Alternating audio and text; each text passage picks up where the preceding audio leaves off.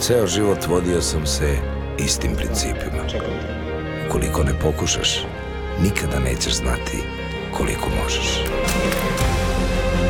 Iza mene su uspesi i porazi, usponi i padovi, a ispred mene jelen pivo.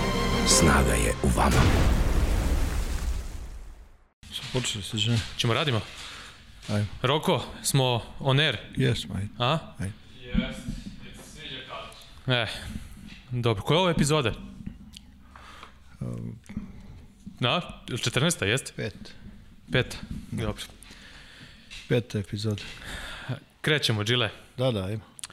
Krećemo ovu epizodu onako sa nekim stvarima koje nisu baš bile lepe prošle nedelje koje se dogodile. E, naša košarka i NBA košarka su ostale bez dve e, sjajne ličnosti, e, pre svega ova naša domaća košarka bez Milete Lisice koji je preminuo prethodne nedelje, nekadašnji e, košarkaš e, Slobode iz Tuzle Crvene zvezde, Borovice, Lavova i tako dalje i tako dalje je e, preminuo i zaista jedan veliki gubitak e, Mileta Lisica, oni koji su pratili košarku 90. godina svakako ga se sećaju samo po pozitivnim stvarima, jedan neverovatan borac i jedan čovek koga su, ja mislim, svi voleli, bukvalno i navijači Zvezde i protivnički navijači svih klubova. Pa uvek ceniš, znaš, energiju i borbu i, i ono kad vidiš da ga neko igra na 100% i Mile tako igra. Baš tako, on je uvek bio jedan od onih igrača koji e, stalno mu je dres ili pocepan ili su mu ruke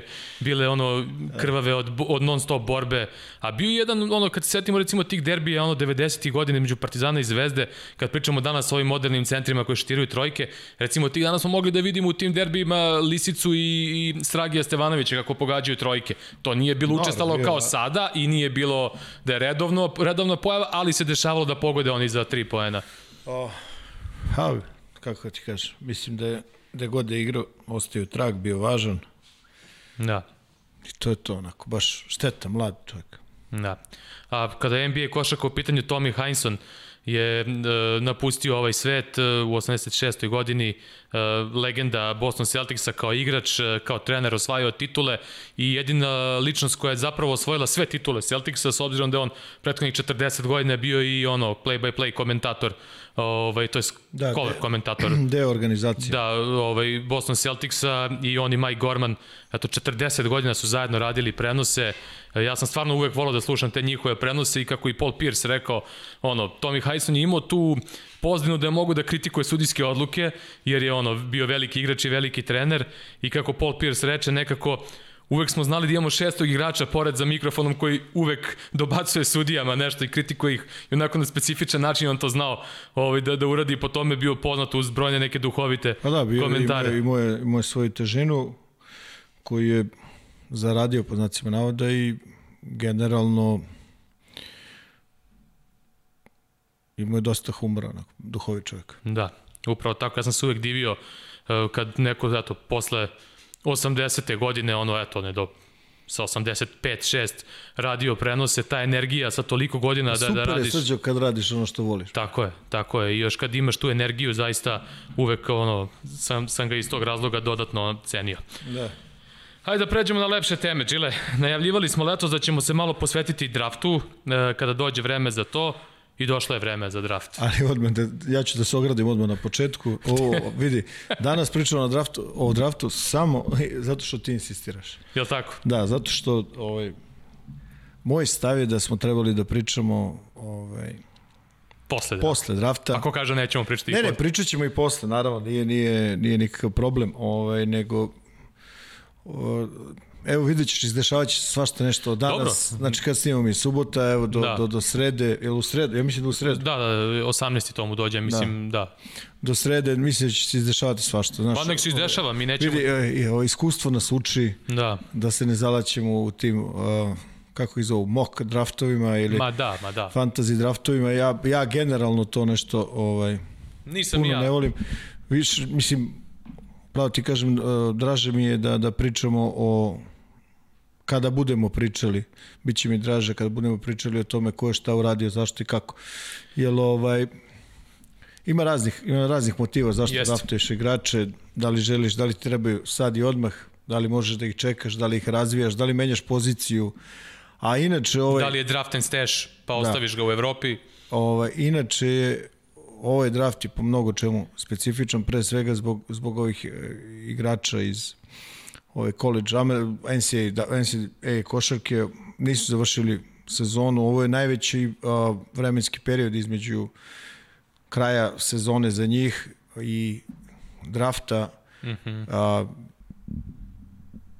vidi, svako ozbiljan, svaki od njih koji je ozbiljan u vezi svoje karijere, on mora da je nešto uradio sa sobom gledano za, za u vezi svog tela ili ovaj nekog individualnog napretka i tako dalje, tako dalje. I, i u, gen, znaš, teško mi možemo da znamo teško mi možemo da znamo kako će izgledati i kako izgledaju oni danas. I to je stvarno problem.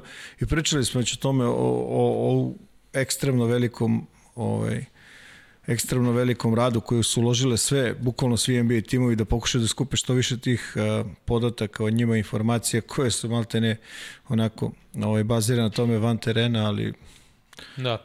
E, pričali smo već ono, od tih nekih naših prvih epizoda e, koliko je specifičan ceo taj draft zbog ovoga što si ti sada spomenuo. E, nije bilo March Madnessa koji često brojnim igračima ono ili obori akcije ili im podigne akcije na draftu. E, tu se vide neke, neke stvari, sada toga nije bilo. Nije bilo mnogo onih e, workouta, individualnih, privatnih, e, sve se to svelo na neku komunikaciju preko kompjutera, e, na evaluaciju igrača i e, zaista ovo je, prošle nedelje smo počeli epizodu sa onom pričamo o košarkaškim i sportskim filmovima, pa smo se dotakli Draft Day-a filma. I rekoh ja prošli put da, da su onako dobro prikazali taj ceo proces drafta, ali uz narav, uz naravno ono malo kićenje da bi film bio ono interesantniji, međutim ovaj draft bi mogao da ima neke elemente toga, jer recimo pričajući sa brojnim uh, i skautima i tako dalje iz NBA-a, uh, bukvalno ovo je onaj draft gde ono, ja se zezao, zezao sam neki od njih, rekao da molite Boga na lutri da ne dobijete prva tri pika. Prva tri pika, da imaš ili da ih istrguješ ili da... Da. Jel, e, pričali smo već pa ono, nema, nema nekog zajana Williamsona. Znaš, nema, Ne, niko nema, ti ne garantuje pa da će ne- doneti tu... Ma generalno te priče o garancijama su Da. vrlo čudne, znaš. Ali, E, ali ovaj, sad imamo igrače koji su tipa Lamelo Ball uh, i James Wiseman koji uh, vuku veliku medijsku pažnju uh Mhm. -huh. i, kao ta, i, i to je čak upalo u neku evaluaciju i to je nešto sad što se kao vodi računa To o je- tome, a niko za njih dvojicu ne može da garantuje da će da promene To je izgled franšize. to je sve deo jednog procesa i mi to moramo shvatiti. Vidi, sigurno je jedan deo te cele priče takozvani sportski. Uh Mhm. -huh. Znači šta možeš da uradiš uh -huh. na terenu, ali ono što je mnogo važnije šta ćeš moći, šta si uradio na terenu, izvinjavam se, ali je mnogo važnije u stvari šta ćeš moći da radiš na sledeći nivo, sledeći nivo je NBA. Tako je. Razumeš? I, da, I ponavljam ovo što sam rekao pre nekoliko minuta, da li to možeš odmah da radiš ili mora da prođe neko vreme ili eventualno neka G liga ili da te vrate da odigraš, ne znam, sezonu dve ovaj, po Evropi ili ne znam šta već, ovaj, mada ne postoje zvanične veze između klubova i tih igrača koji se vrate da igraju, ali mnogo je, mnogo je ovaj, važno, uh, ovaj draft je važan i specifičan, ali ima, ima timova koji pokušavaju da urade taj ono, reset, znaš, da, Rebuild, da, aha. da, da, da, da se ponovo izgrade te neke, neke, ove, neke stvari na, na da pokušaju da se vrate na ne znam neka neke ovaj uspešan put i sad tu ima novih ima novih eh, ljudi koji vode te cele programe, ima novih trenera i to je stvarno onako eh, nezahvalno je za prognozu. Da. Znaš, a i generalno čak ne može da se, nema, nema konsenzusa oko toga da se napravi recimo rangiranje po, po pozicijama. Mm -hmm. Znaš, imaš ljude koji stavljaju recimo da je naj, najbolji playmaker na draftu je Lamelo Ball, mm -hmm. recimo. I, ok, ima to i pluseve i minuse, ali znaš kako, e, recimo ono što si rekao za Weizmann, znaš, ono što je Weizmann je činjenica, prvi igrač koji je- ima taj upside, koji Vidi, neće je- možda odmah da doprinese, ali, ali će ono se ali je očekivati da... činjenica da... da odigra samo tri utakmice. Samo tri utakmice zbog suspenzije nije... A, a trebalo je kod priča- Hardavea da igra na Memphisu koji mu je bio i srednjoškolski trener. ali cela ta priča oko njega nekako ti diže neku prašinu, znaš, mm -hmm. vjerojatno, vidi, neke timove će sigurno udaljiti od njega, mm -hmm. neke timove će približiti ta njegova atletika, njegova, naš, njegova fizika, ta cela i tako Mhm. dalje. Potencijalno dobar defanzivac Pa da, koji radi na range-u malo kao da izvuče malo Ali- neki ali- šut ako može. sigurno ne u prvo vreme. To je Sigurno, ono što e, pa ti to je to. to je ono što ti pričam, znaš, da li hoćeš odmah prve godine? Jel ako hoćeš te neke stvari, ima i boljih visokih Jeste, od njega. jeste, jeste, znaš, jeste, mislim, sigurno. Ista je ta priča i na dva i na tri, ista je priča oko evropskih igrača. Znaš, Da. šta su igrali u Evropi, šta, kako ih projektuju tamo i onako, baš je, mislim, to je taj, kažem ti, ceo proces, da se vratim na taj hype koji su napravili. To je sve deo, vidi, ljudi se bave time, mnogo je novca u, u igri Mhm. i normalno da, da agenti, kuće, ovaj, marketinški tako da se bave svime time, to je biznis je to. Da. Sad. E, sad da se vratim ponovno na ono zašto sam pomenuo film uh, Draft Day. Uh, biće dosta situacija, jer, uh, eto, pomenuli smo Weizmana koji je igrao samo tri utakmice na Memphisu pre nego što je dobio onu suspenziju, pa onda odlučio da izađe sa koleđa, da se sprema za draft. Uh, Lamelo Ball koji je bio po Litvani i Australiji, dakle nije bio tu uh, direktno pred očima NBA skauta, plus cela ta neka priča oko njega i tako dalje i tako dalje. Imamo Minnesota koja ima prvog pika, imamo ekipu uh, uh, Golden State-a koja ima drugog pika, imamo Chicago koji je četvrti, imamo Atlantu koja je šesta, svi se pominju kao timovi koji će potencijalno da traduju ili da se penju ili da silaze na draftu ili da daju za neke druge igrače Ali opet- i sad dolazimo na onu situaciju da će biti panika jer svi klubovi nisu imali prilike da rade individualno mnogo sa igračima da ih vide, a opet svi moraju da spremaju rezervne varijante, ali niko ne zna šta će ona ispred njih da, da uradi. Ne zna se ko će da bira La, Lamela Bola, ko će da bira Ed- Edwardsa, ko će Weizmana, ovaj, ko će Avdiju, tako dalje, tako dalje, i onda idemo na plan B, idemo na plan B. I iz tog razloga mislim da će Svake biti... godine je tako, sađe. Ali ove godine je baš Ne, specifično. ove godine je specifično zato što nemaš, uh, specifično je zato što prvo što nemaš uh, sigurno će neki od tih igrača napraviti dobre karijere, tu nema nikakve dileme, Naravno, kao i svake naravno. godine, naravno.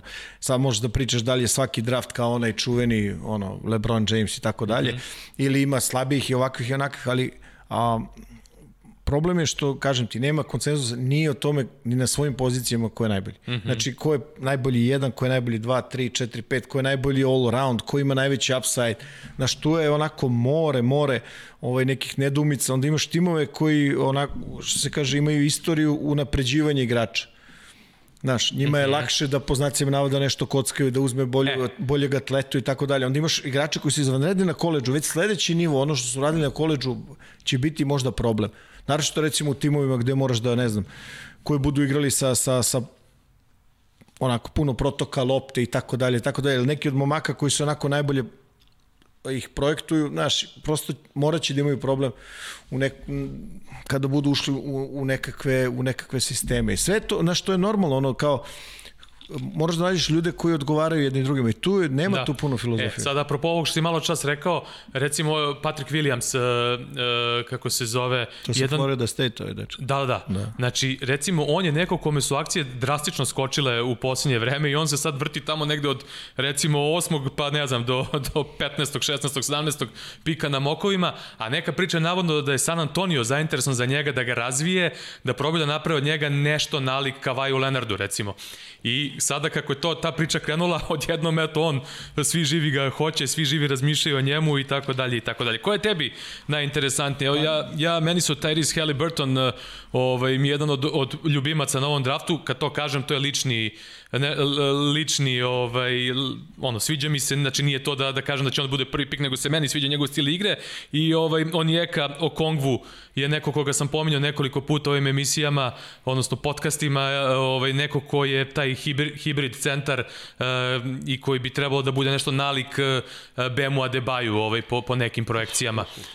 Koga ti Pa nemam ja tu pravo, ti kažem neke, na, nazove favorite, Haliburton, njega sam gledao, počeo sam ga gledam prošle godine. Ovo. Mm -hmm. Ja sam na, ga prenosio na, na, na U19, U19 da, na Kritu. Da, na Kritu i onako skrenuti čovjek pažnju i sve, vidio recimo, on je vrlo, vrlo zanimljiv ovaj, jedan igrač a, koji je, znaš šta je problem, on nema definisanu poziciju, da li je jedan, da li je dva.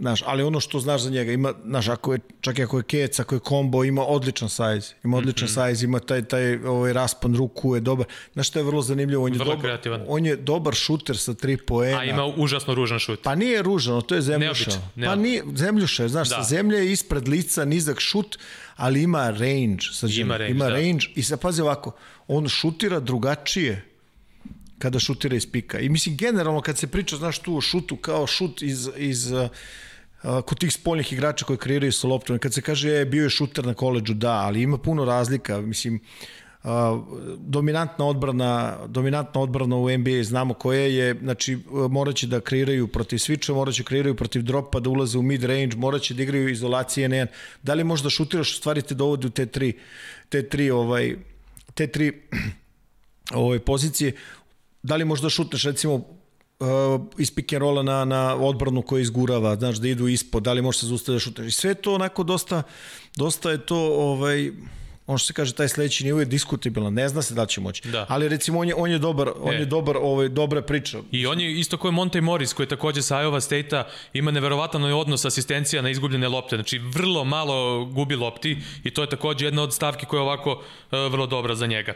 Uh, hoćemo da krenemo ovako... Pa ima, A? ima tu još par igrača, kako bi ti rekao, ja znam neki igrači koji su igrali malo više. Znaš, znam recimo Topina. Obi Topin je neko koga, ajde da kažemo, mnogi onako daju mu neki najviše poređenje, a Mari Stoudemire. Mada, Ma ne, mada ma ne, Mari ma tu mnogo, Ma mnogo, jo, mnogo, ma- ovaj, Ma, čekaj, stani. Da. Prvo? Ne, ne, to ti kažem, ono, to je neki ono top, top, ono, pa, poređenje, ali mislim da teško može Amarijev nivo da Mislim, dohvati. prvo što je, bukvalno je manji. Da, A ovaj, on je on je koliko 69, koliko je to 205, ali sjajno, sjajan odraz, ali gled. nestvarna e, sad kucanja. ovako, on dolazi sa Daytona, ja i zašto ga znam, zato što znam, zato što sam analizirao sam tog Anthony Granta, ovaj trenera Daytona, mm. -hmm. iako ima trenera ili ljubitelja malo ovaj strastvenih košarke među našim gledalcima i slušateljima nek isprate tu tu školu vrlo je vrlo je zanimljivo to to što oni ovaj radio napad i sad u tom sistemu znaš on pravi prednost kretanjem on pravi prednost iz tog popa pravi mm -hmm. prednost protiv close outa ali sve na pet Mm -hmm. On igrao i četiri većinom na pet. Na pet je bio, kako bih ti rekao, a, efikasniji. Sledeći nivo, on to ne može da igra. Da. Ima probleme, ima a, a, vrlo visok stav u odbrani, velike probleme posle preuzimanja, ne može, da, ne može levo, desno, mnogo bolje igra kao neki a, ovaj, a, igrač koji štiti reket a, sa strane pomoći nego što može da preuzme, ima problem sa promenom brzine, promenom pravca, laganje za tu svoju poziciju. Sad, e, pazi, ja ne znam šta se sve desilo ovih šest meseci, možda je postao Superman. Uh -huh. Ali generalno to što je ono, kako je skrenuo pažnju na sebe, ovaj, Ha, skrenuo je za početak onim neverovatnim kucanjima na, u Pa nema- samoj utakmici, ono... Sve to, sve to u redu, ali vidimo sad znaš koja je sledeća, Da. da. sledeća pozicija. A recimo koga, ko, ko, ko mi još ono, ko ime znam, ovaj, ovaj mali, kako se zove, a, što igra bre na, na Vanderbiltu. Uf, Nesmith. koga misliš? Nesmith. A, uh, Aaron Nismith, da. da. Da. E, vidi. On je recimo interesantan. Ali jest, e vidi se, za njega se tačno zna šta si ti momčino dvojka. Da. I, I sad, i to je da kažemo jedan najboljih šutera čistih na ovom uh, Vidi, i prva, ogromna, ogromna je razlika, Razlika- između prve i druge godine u procentu, Da. preko 20%. Da, i o, u, U- za ovoj nezavršenoj sezoni imao preko 52% za 52, tri. da. da. da. Ali vidi sad ovo, za njega što je specifično. On je igrao, igrao je ovaj, takozvane NBA setove. Znaš, i ko E, je- to jeste, da. Ko je gledao ove Vanderbilt, Zato što je Jerry Stackhouse trener. I, on je, I on je igrao te takozvane ovaj, setove, igrao je bukvalno, znači, šutevi iz kretnje, šutevi iz, uh, iz uručenja, šutevi ovaj, iz, uh, iz blokada, šutevi, ono, kako god hoćeš. Šta je problem? Problem je vrlo slično recimo momku iz Majamija, znači ne poredim ih, ali, ali pričati, naš, o prva jedan, dva driblinga i to je već onako previše. Ali vidi, za njega se tačno zna, to je ono što te ti kažem. Tačno se zna koja je pozicija. Uh -huh. I za njega znaš, on je dva, ima size, u redu je i sa telom, to je sve u redu. Da li će, na, vidi, svi oni će se pomeriti u ono, znaš kada ono vole ljude kažu, e, fali mu snage, fali mu mase, fali mu ovoga. Tela će oni da srede. Da. Koliko brzo, talentovaniji brže i radniji brže, ovi drugi sporije naravno, možda nikad, nebitno. Ali recimo to je, znaš, ono vrlo zanimljivo. Onda ima ovaj centar, ovaj Clark sa Maryland, uh -huh. koji je još jedan momak koji može da Uh, Jason Clark se zove, ja mislim. A na njega misliš, da. ček, ček, ček, ja sam mislio da misliš na, na ovoga, kako se zove, na Jelena Smitha. Jalen Smith, šta se Jalen rekao? Smith. Jason Clark? Da. To je onaj glumac. Pa, Kreten. E, ove, e, Jelen Smith je neko ko je ono, recimo, a vidi sad, neka verzija, da kažemo, Serža i Bake. Ima zaštitu obruča, šut za tri poena. da, ali ne znam da si gledao, on mnogo fino igra sa tom loptom. Da, da. Ove, I, i neki I misle već... će se pomerati, znaš, napred. Aha, I neki, neki misle da ga Miami već onako pikira. Misliš zbog Adebaja, kao da to Pa imaju da- dvojicu takvih I da nekih. imaju njega i na četiri, da imaju taj šut za tri poena. E, ne znam da li može da igra da. na ne znam da li može da igra na četiri, ali generalno on je mnogo je bolji, vrlo slično Topinu. Mm -hmm. Mnogo je bolji u situacijama, recimo on- se bolje Četvorka mu je prirodna pozicija. Da. Tako ga vode kao četvorku. kao četiri. Da. Dobro. Ove, da ti kažem, on će, on će, znači sledeći nivo mora preuzima, mm -hmm. on može da trči, šta je problem? O, generalno, on je bolji, ima problem sa kreacijom, znaš. On će bolje da završi nego što će da kreira.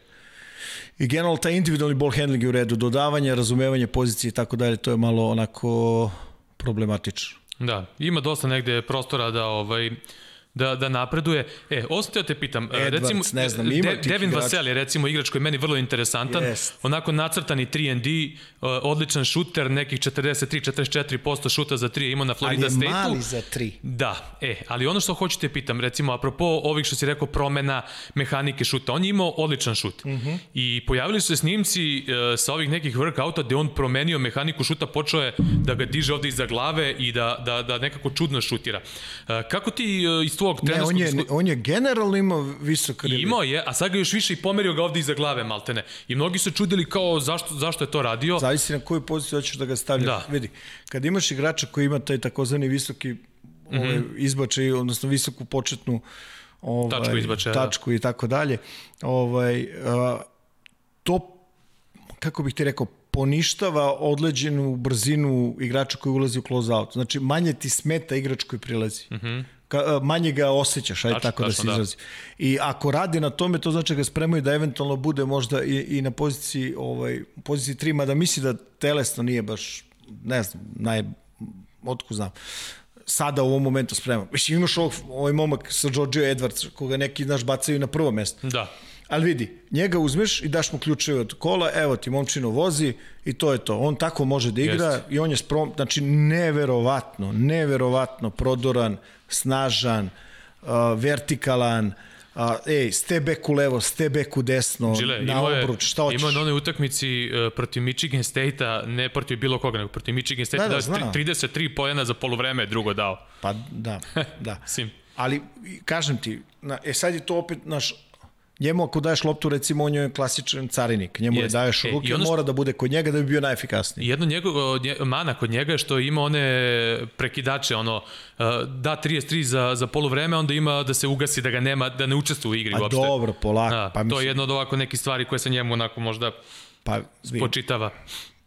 to, Da. to ima mnogo veze i sa, sa nekim iskustvom i sa periodom sazrevanja i sa, sa napredovanjem. To su sve stvari koje su popravljene. Mnogo je bitno šta možeš da popraviš kod tih stvari. Da. Znaš, mnogo je bitno da imaš, znaš, mnogo je bitno da imaš neki, ovaj, a, da imaš neki skill koji možeš da koristiš. Recimo, on je izvanredan jedan jedan ISO player, mm -hmm. igrač.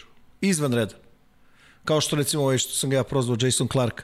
O, kao, kao, znaš, on je pop na mali broj šute, ali znaš koliko, znaš, tu ide prirodno, ta Jest, ruka jest, ide, jest. to je nekako mekano na close out, to napada, to mu je super prirodno.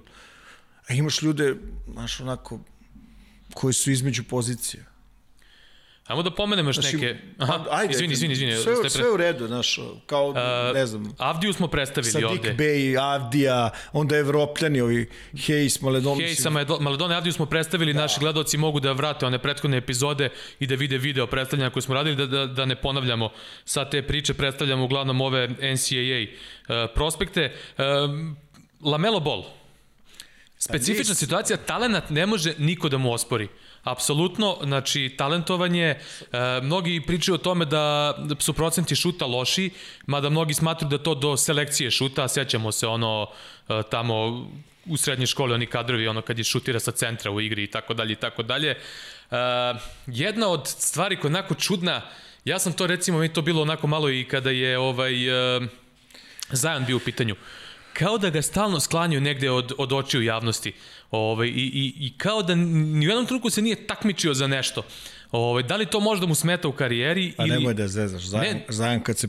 Ne, ne, ne, pričam za, pričam za Lamela. Ne, Za Lamela pričam, ne za Zajana. ne dobro, znam, ali... Nego za, za Zajana konkretno zato što nije bio ni u Trevizu, je bio povređen, nije igrao Hup Summit jer je Pa bio dobro, povređen, je propustio veći deo sezone na Djuku, ovaj, pa pro- propustio letnju ligu i tako dalje i tako dalje. Vidi, on menja igru. A da, Da, da, da li da, da. ovaj E. tvoj, Zato te pitam za Lamela. ovaj tvoj Pulen, Lamelo, Nije on moj pulen, ne. Da li on- Ne, da li- ne, ne, ne, ne, ne, ne. Ne, ne, ne, ne. Nećeš to uraditi ovoga puta. nema šta da radi. Vidi, Ovaj- ili kapiraš da je šut važan ili ne. I imaš ljude koji će, vidi, on će, on radi te stvari neki drugi sigurno odlično, znaš. Jeste. Ali Ima pregled igre, odlične asistencije, učestvuje na skoku, ima visinu za svoju poziciju, vidi preko odbrane. znači on, Taj- će da, on će da bude obsluživač. E, sad meni tu nije jasno... On mora da bude u delu sistema, onda mora da obslužuje strelce, je tako? E, vidi sad ovo. Takvi timovi. sad. Da. Oni su pričali kao da razočarao na nekim ovim uh, intervjuima, kao razočarao je sve tamo vamo, onda posle nekog vremena kreće priča, on je kao siguran prvi pik. E sad, da li je siguran prvi pik zato što ga Minnesota hoće ili je siguran prvi pik zato što ga Minnesota hoće da bi tradovala posle? To je, Pa ne, to je pravo pojma, pitanje. mislim kad da. uzmeš njega, si i oca i ima tu svega i svačega, Da. razumeš? E, apropo ovih svih trejdova, da spomenemo, uh, Atlanta se pominje, taj njihov šesti pik kao neko ko... E, ne znam, to- Evo ja ću da... Ajde, e, znači, pričaj, ja dosta njih neću je zainteresovano za, za, za to... Tu svakakve vrtaške mogu Jeste, svakakve vrteške Ajde. i verovatno niko ništa, ništa neće pogoditi, ali smo dužni da negde spomenemo. E, Naime, e, Celtics su navodno spremni da uključe svoje 14, 14. 26. i 30. pika u neke potencijalne trejdove i da daju za tog šestog pika da bi navodno napali ovaj, ovog mog ljubimca Onijeku Kongvua. Navodno, to je nek, jedna od od priča, a pominje se i Minnesota da bi isto tako mogla da da ovaj da e, neke svoje ovaj da da svog 17. pika da možda uključi Jareta Calvera u trade da da uzmu tog šestog pika. Dakle, dosta neki priča oko toga, ali to je sve ono nagađanje i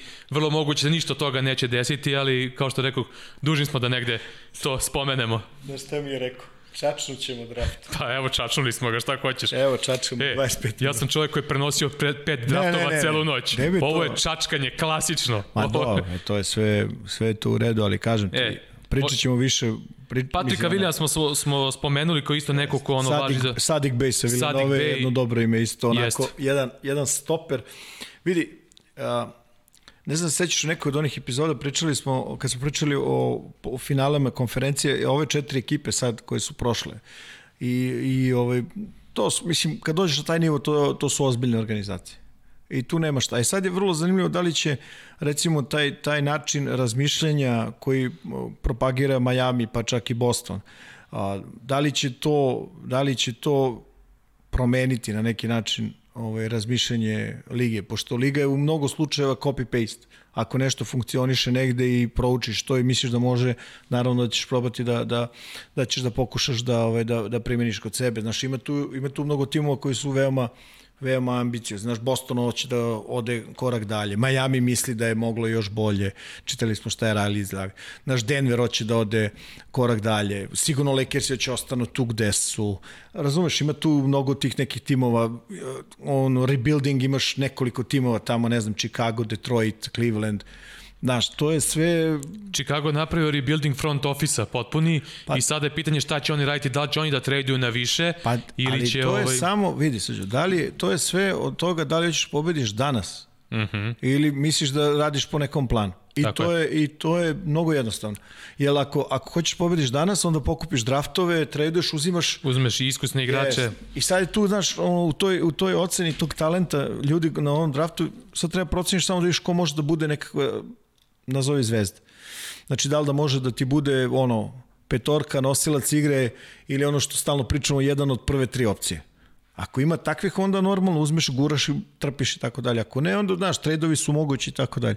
I, I onda plus, znači, šta je možda najinteresantnije, znaš, oni ljudi ispod, ispod radara, da vidimo da će se pojavi neki Jokić novi. Mm -hmm. Ajde da vidimo da će bude neko pametan. Znaš, da će da to biti Pokuševski, na primjer, koji, pa vidjet ćemo, koji se isto tako ono, varira od ne znam koje do koje pozicije pa na, do... na mokovima, ali dobro, nisu mokovi sad toliko ono, pa, relevantna stvar. Ne, da. ne baš.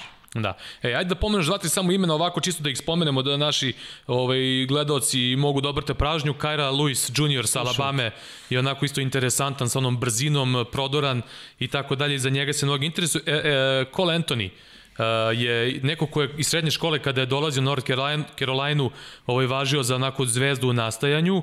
Ovaj, ima tu ono poznatog oca koji je igrao dugo u NBA-u ovaj, i, i to je negde pomoglo u celoj toj priči. Nije se baš najidealnije snašao North Carolina, ali je neko ko, ne, ne, ne, ko, ko može da isporuči veliki broj poena. Ali vidi, istine radi, uh mhm. -huh. prvu utakmicu uzeo je i oborio rekord ove, konferencije u broju poena na prvoj mhm. utakmici mm -hmm. za ruke. Je li to mm -hmm, tačno? Da. I to je sve bilo, ti znaš da je on imao tu problem sa meniskusom, da je pauziruje. Jest, jest.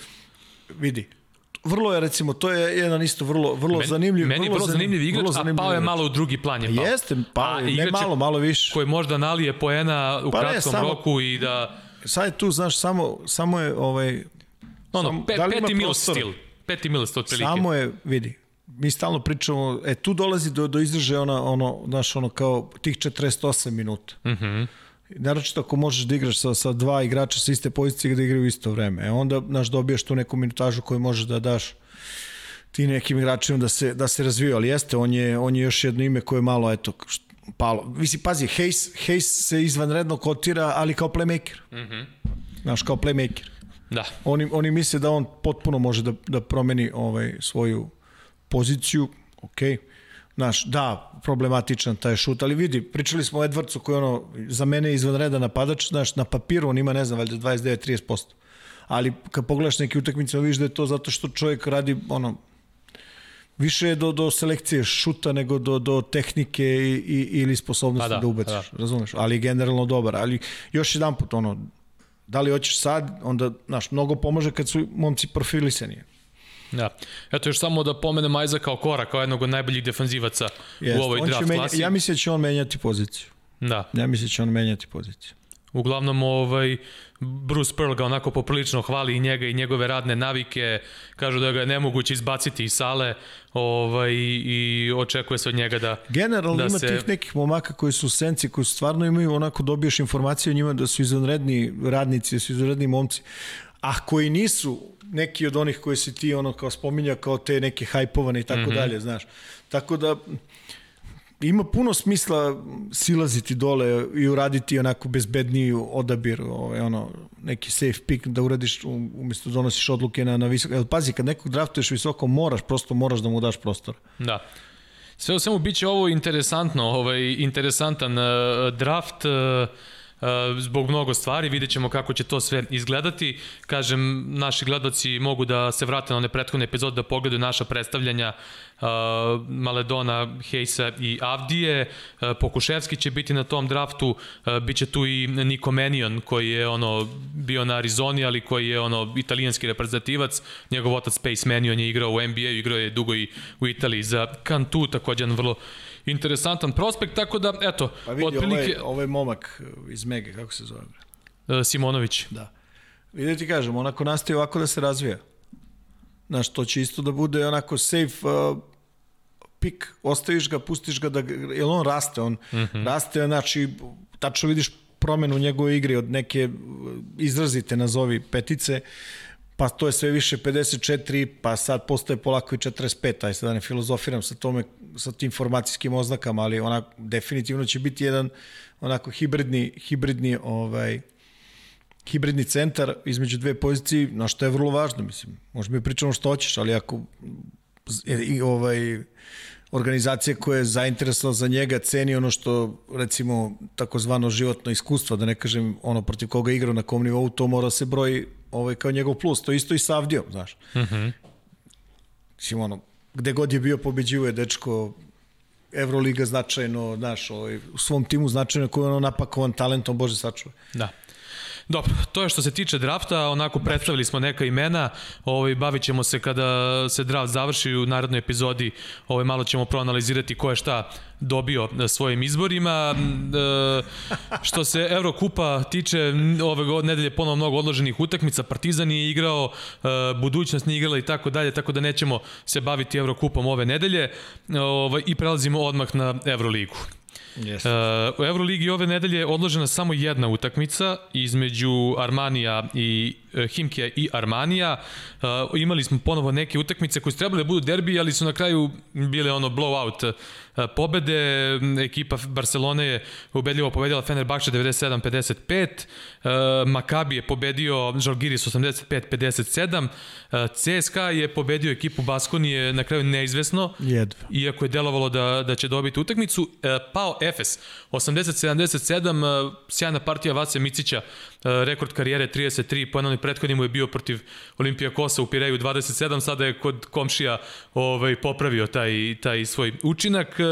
Zenit je dobio u Villerbanu. Izvini, samo za vas kratko. Da, I samo kratko kažem, Bayern nastavlja sjajne rezultate, pobedili su Valenciju. Da.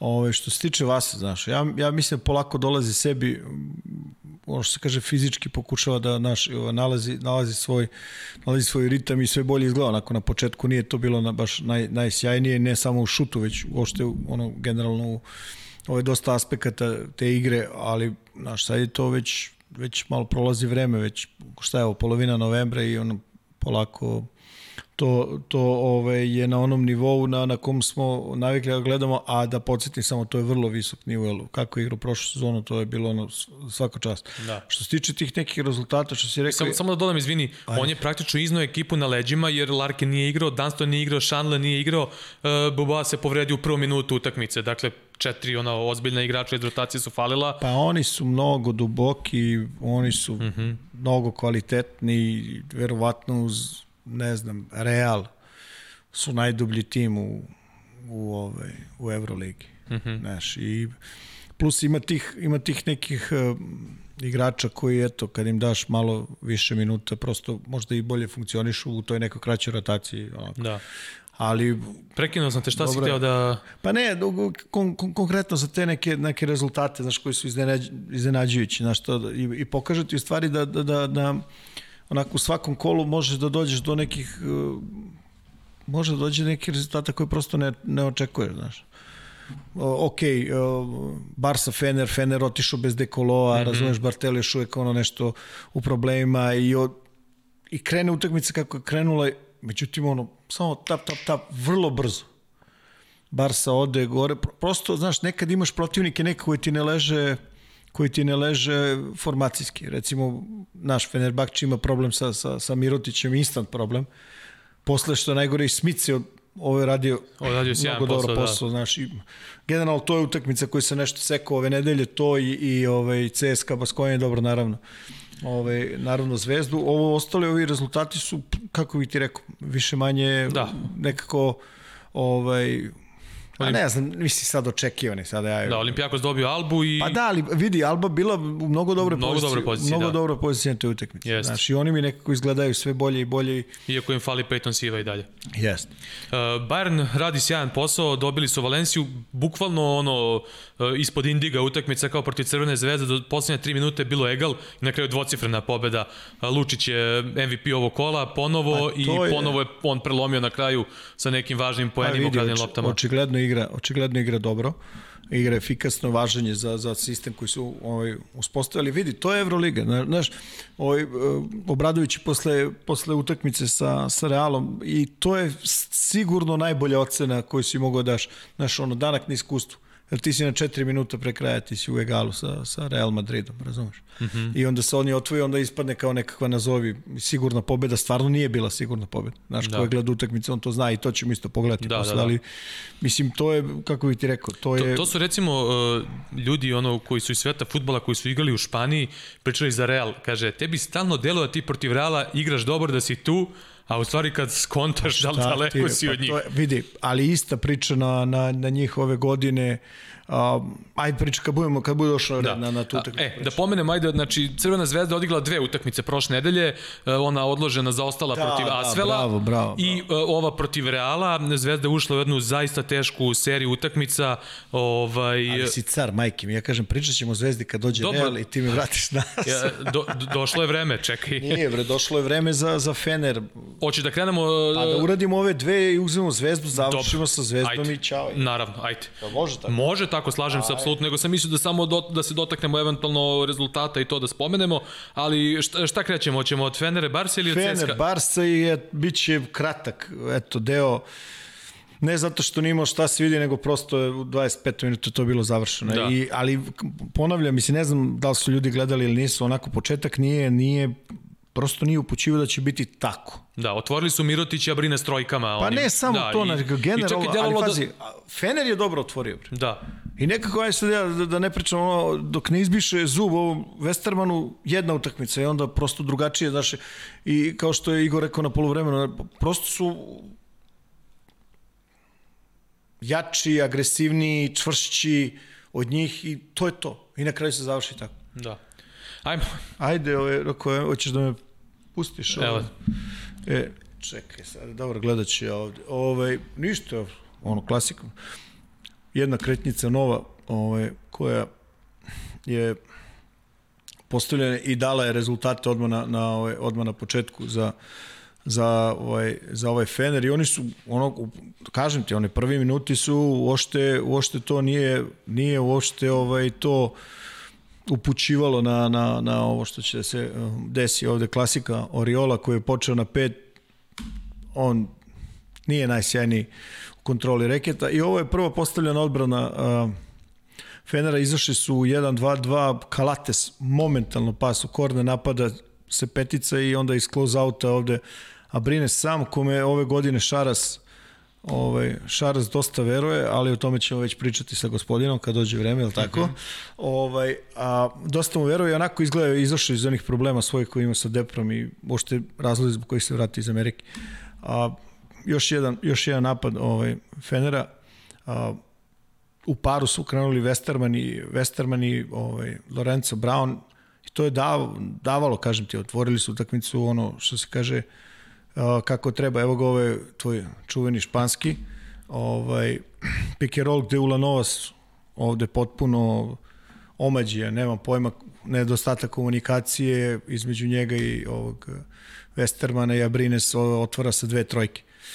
Uh, ovo ono što sam pričao, uh, već drugu ili treću utakmicu Fener prinuđen da, da, da počinje sa veselima četiri, to nije njegova prirodna pozicija i, i naročito ovde protiv Mirotića koji igrač koji igra i unutra i s polja, ovde vidimo na, na, na blokadama je tu najveći problem za, za Veselog, ovde je ovaj, potpuno petica u poziciji da ne može da pomaže. Vidi. Znači ovde i da je vikao da se preozme ne može, ovaj X5 je mnogo duplji.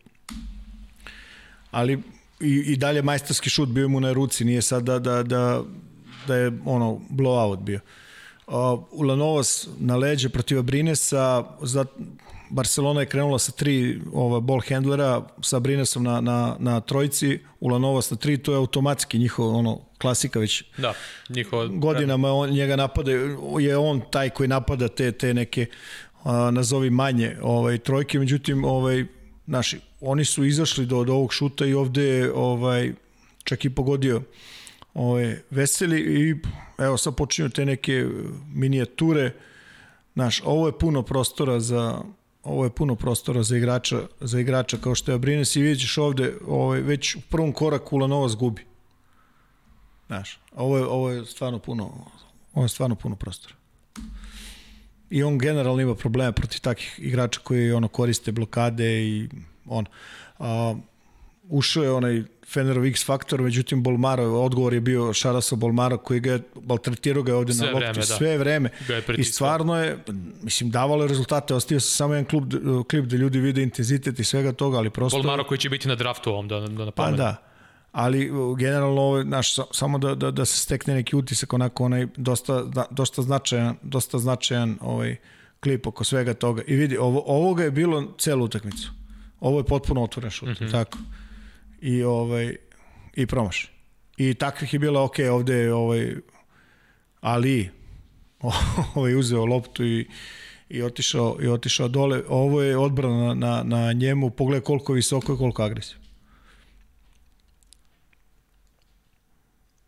I opet, još jedan promaš. Znaš, i ovde ne možeš sada, ovde ne možeš da pričaš, ovde je fenomenalna kretnja. Ovaj, ko je ovo? Ja mislim da je Edi izlazi gore. Pierre. Ne, ne, ne, ne, ne. ne. Ovaj, A Edi ovde se penje na top, penje da. se gore da, da, i, da, da, da. i praktično izlači ovaj, ko je to Hanga iz Hanga. rotacije, tako da Smith mora da pokrije veselog. Ali opet džaba, mislim, sami na šutu i promaše i tu je ono već, evo vidimo 14 poena, ok, o, ponovo skok u napadu i daješ trojku i nekako si, u, znaš, tu si sve vreme, i baš ono što si rekao, za, za, kao, kao za Real, znaš, ovaj, Deluje ti, ti igraš, ti si sve kao blizu, znaš, a one pogledaš gore na Sanford 10. A, ovde je Edi na čistoj četvorci, momentalni odgovor ovaj, Barcelone, Smith dole i ovaj, relativno relativno lagano ovaj, protiv njega.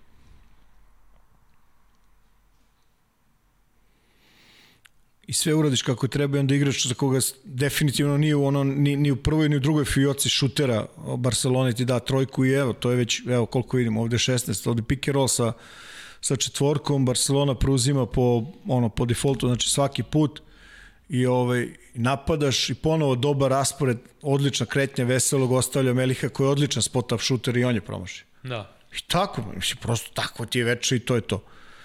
Ovaj, Brown ovde nešto individualno prokušao par puta ovaj, da, da uzme ovaj, inicijativu uh, i ovo je jedna situacija zašto je, zašto je Barcelona vrlo specifična. Ljudi zaboravljaju koliko je Mirotić dobar igrač na, na low postu mm -hmm. i koliko ima častine i koliki je fizički.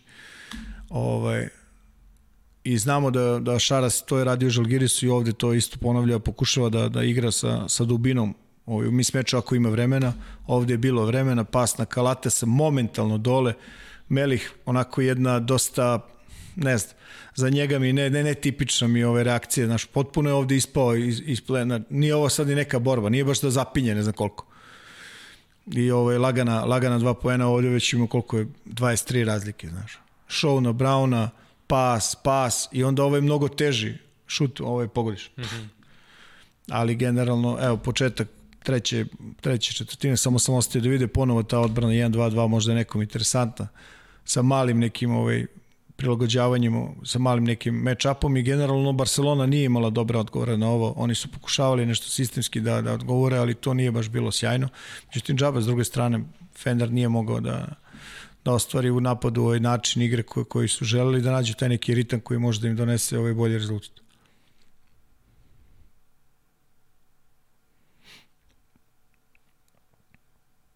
Znaš, sve je ovde ono, ok, ali ovde ponovo 24 sekunde. I evo zašto ovo smo gledali, ovo svake, svake nedelje gledamo, ovaj, svake nedelje gledamo ovaj, taj takozvani kontinuirani pick and roll napad na gde prvo kao igraju 2 i 4 na strani, pa onda 1-5 na vrhu. Međutim, šta je specifično ovde? Vrlo teško je se preuzima, ovde je Westerman da, da ostane na Mirotiću. Vrlo teško je da se iskoči, pošto Mirotić ima vrlo dobro mm -hmm. ovaj, iskakanje i evo, otvara se i ovde ko je ovo? Higgins? Higgins, da. Pa Higgins ne osjeća ovo. Apsolutno ga ne osjeća. Znaš. Ovaj, s druge strane, ovo što, znaš, ono, navikli smo da se, da se ovo ubacuje, prosto se ne ubacuje, odmah povuku, vidi ovaj, znači, vidi ovo, ovo mala, vidi kako dobra stvar. Ovaj, u jednom momentu tri igrača, Kalates je naterao trojicu da ga čuvaju, otišao je pas na Brinesa ovde Higgins i, i to je to je to što se kaže vezano za, za ovu utakmicu.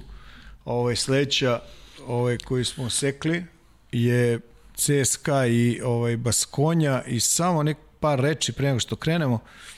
Mnogo zanimljivo, mnogo zanimljiva utakmica. Ja, bih preporučio ljudima da gledaju ponovo. Uh -huh. uh, jeste, CSKA ima problema bez ovog uh, Majka Jamesa. Mike Jamesa i ovog šutera Bez Strelnijeksa. Strelnijeksa i, ovog, I čak i bez Ivana Uhova koji ne spada u onaj prvi ešalon igrača, ali su ostali bez jedne opcije na spoljnim pozicijama koju i tu iskoristi po potrebi ove sezone i ima neke dobrih utakmica u VTB ligi. Dakle, uh, ostali su praktično bez tri igrača u, u rotaciji u spoljnoj liniji.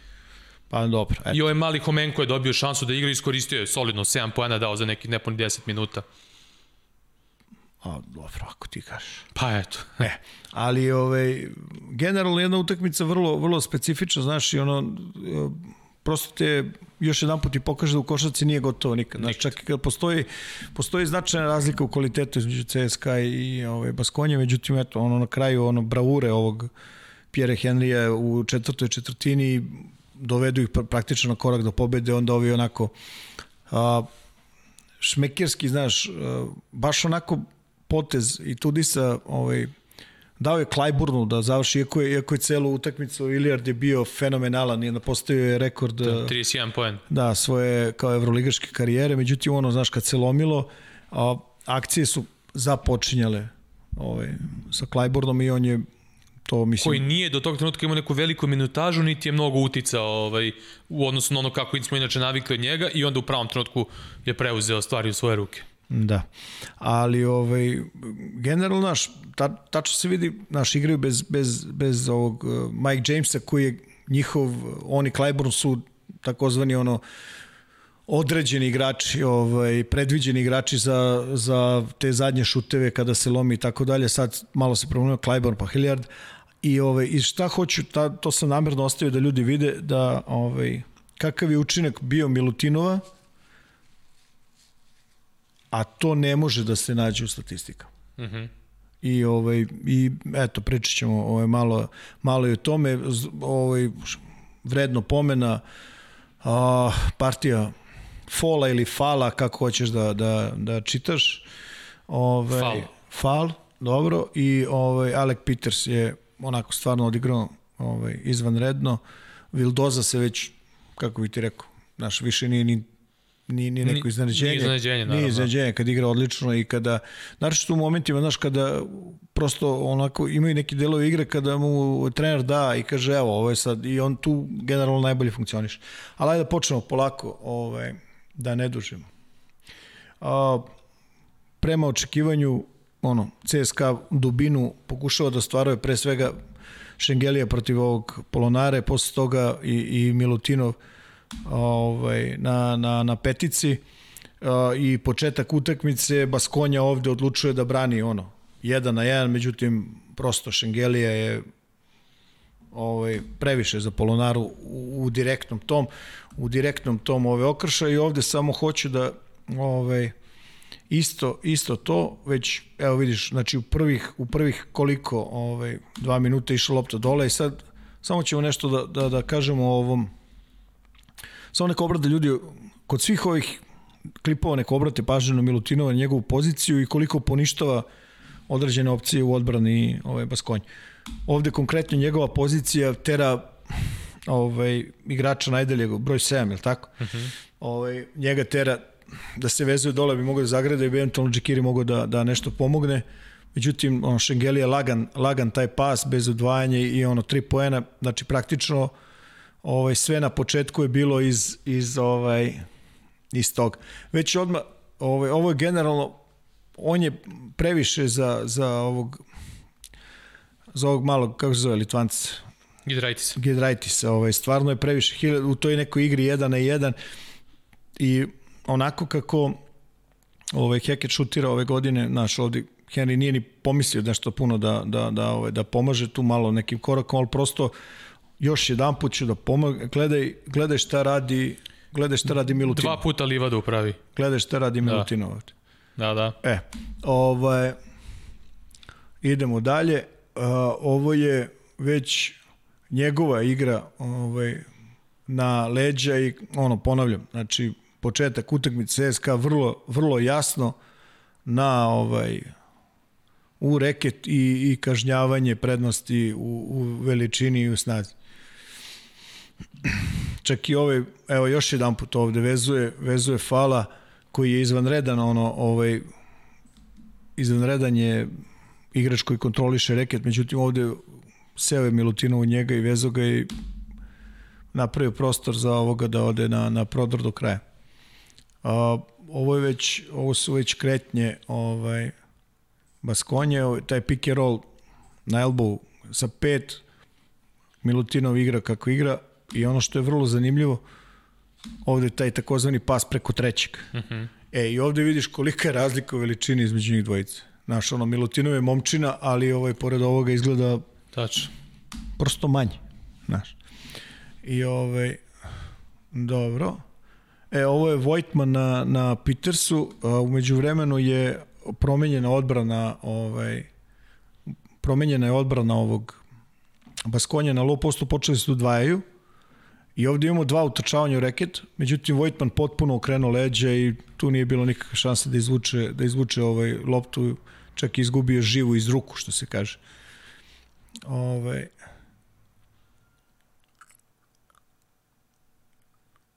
U, ovo je onaj Vildozin pas. Pogledaj ovo, sađa. Uh -huh. Odlično. Znaš, i pun reket, ali rešio je. I on nekako, znaš, iz godine u godinu igra, igra bolje. Igra bolje i onako, ovaj, baš, baš, Priča za Vildozu. ne, ne, priča A, za za, Fala. za fala, da. Da, da.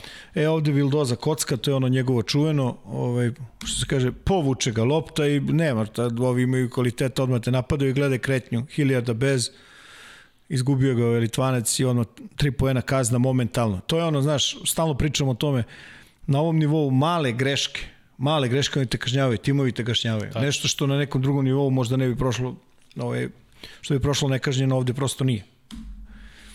A, Šengelija i ovaj, sada, sad dolazi udvajanje, međutim, ovaj, ne baš sjajan rezultat. Ono što je zanimljivo, Baskonja je imala ovaj, odlično je regulisala to u odlično je regulisala tu igru njihovu ovaj, na low postu kada je drugi centar bio dole. To udvajanje. Imali su problema kada je dolazio sa, sa penala. A Dragić, Džekiri u, u piku, opa, i ovaj, izvanredan prenos lopte i, i, i šut gore, dobra kretnja ovaj playmakera, opet ovde, vidiš ovo, opet Livada i ode Šengelija ovaj, na zakucavanje. Evi, ovo se ne, ovo ne vidiš u statistikama nigde. Da, da, apsolutno. Znaš, to i koliko si puta napravio dobar blok i koliko si puta otišao na skok, koliko si puta pomogao, koliko si puta najavio blokadu i tako dalje i tako dalje. Ali dobro, stavno se ono. I dalje ima ono čuveno ovaj, ko dodaje, taj se ne prodaje. A ovo je klasika, greška ovaj,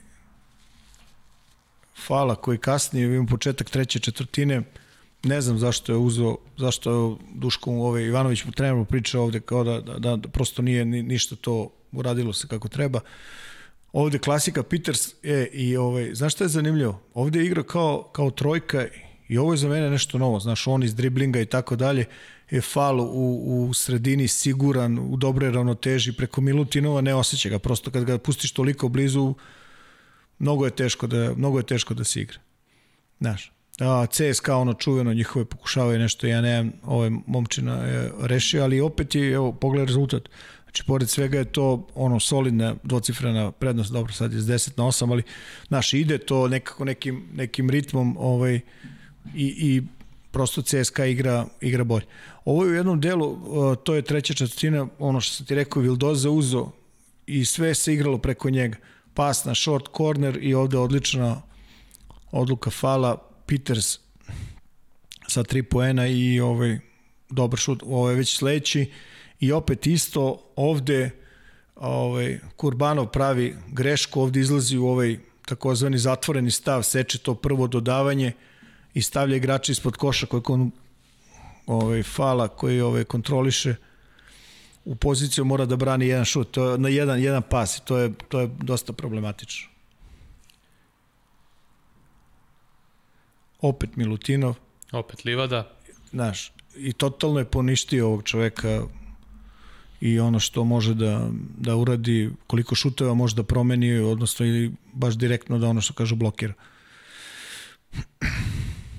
Opet Peter ovom iznenadio i to je ona situacija, znaš, ovde je Vojtman igra na, na četvorci. Ne može, on je, ne može da igra, znaš, prinuđen da igra na, na tom, ali ovaj rasporedom, ovaj, izvinjavam se, formacijom koju je ovaj Duško Ivanović ovde ima u ovom momentu, znači kad igra sa tri velika, on mora da odgovori sa tri velika i, i ovaj, kažnjavaju Vojtmana kažnjavaju Vojtmana ovaj, prodorom, prosto tu ima čovjek problem. Evo sam ostavio ovde ovo jedna mala minijatura Klajburna i prima koš CSKA i glede, glede odmah, znači nije nikakav problem, idemo, Pierre Henry, Vuci, tap. I evo sad ću ti samo skrenuti pažnju da vidiš ovde, znači otprilike ovaj, ko koga čuva, i gledaj se kad se lopta iznese, ovo je i on igra tu u leđa i ovog momenta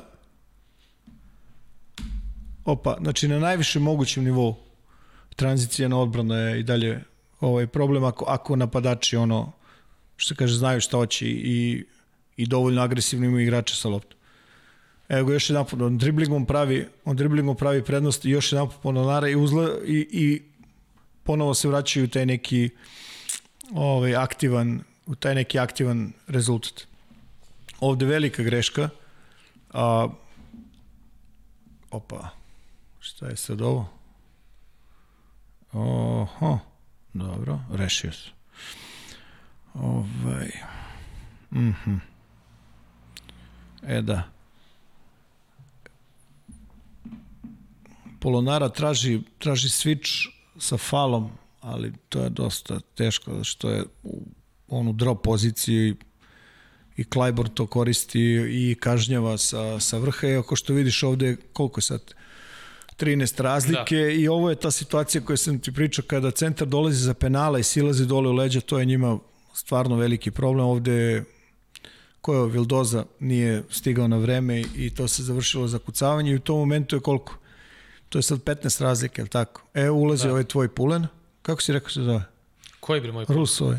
A, Homenko. e, i vidi kako ga je video ovaj, playmaker Baskonje, on je ovaj, ovako rekao.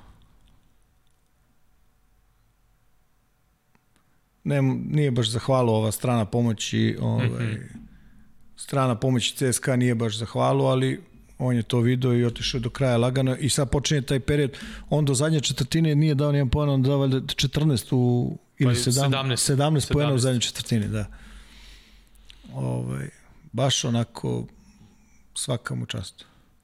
Ovde je jedna verzija, ovaj, jedna od opcija tog španskog mm -hmm. pika, međutim, ovaj, Pirija tamo fintira pik i otvara se na stranu lopte, što sada primorava Hiljarda da, da ostavlja ovde šutera skroz, međutim inače kasni. I to je ono što je problem kada kasniš, ostaviš ovoliko velikog čoveka da dođe duboko i posle to tačno ovo dobar uvod za ono što se desavalo Zvezdi sa Tavaresom. Mm -hmm. Znaš, ovde tu više već nema baš puno neke ovaj, nema neke odbrane, ali kažem ti, ovo je sad deo onog gde gledaš Baskonju koja ne da, bre, ne da sebi. Ovo je odličan prodor ovde gde ovde fal pravi problem. Nijednog momenta nije telom između igrača i lopte, ono pokušava da se da naš veruju tu svoju brzinu nogu i gore tu neku ovaj visinu na kojoj može da igra na loptu, međutim igrač koji čuva, mislim da je ovo Šengelija u uglu, potpuno povučen u sredinu, ne znam zašto i nema nikog da rotira iz ugla, Šengelija daje trojku prvu na, na, na ovoj utakmici, ali ponovo vidi ovo šest razlike, ovaj, Milutinu prebacuje ovde Šengelija loptu, ovde se promašuje i, i još jedna onako ovaj, minijatura Pjerija. I sad gledaj, ovaj, ovaj pritisak na Milutinova ne da im da menjaju i on vidi ovaj, ovaj front gde je vrlo teško e, u ovoj poziciji je vrlo teško svaki put kada je na strani lopte ovaj igrač ovde, ko je ovde u uglu? Crveni patik. E, Ti vidiš Vildosa, Vildosa. E, mnogo je teško da frontaš u toj poziciji. I ovde malo Clyburn nekoncentrisan i taj lob prolazi i završio se jednim ovaj, bacanjem i, ovaj, i onda su igrali na loptu pa je bilo dva poena. Uglavnom, ovo ono što se ti priča, znači na kraju zna se kome lopta, to je Klajburnu.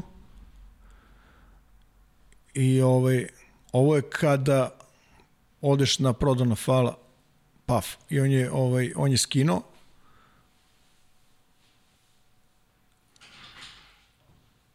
Pogledaj promenu tempa sad.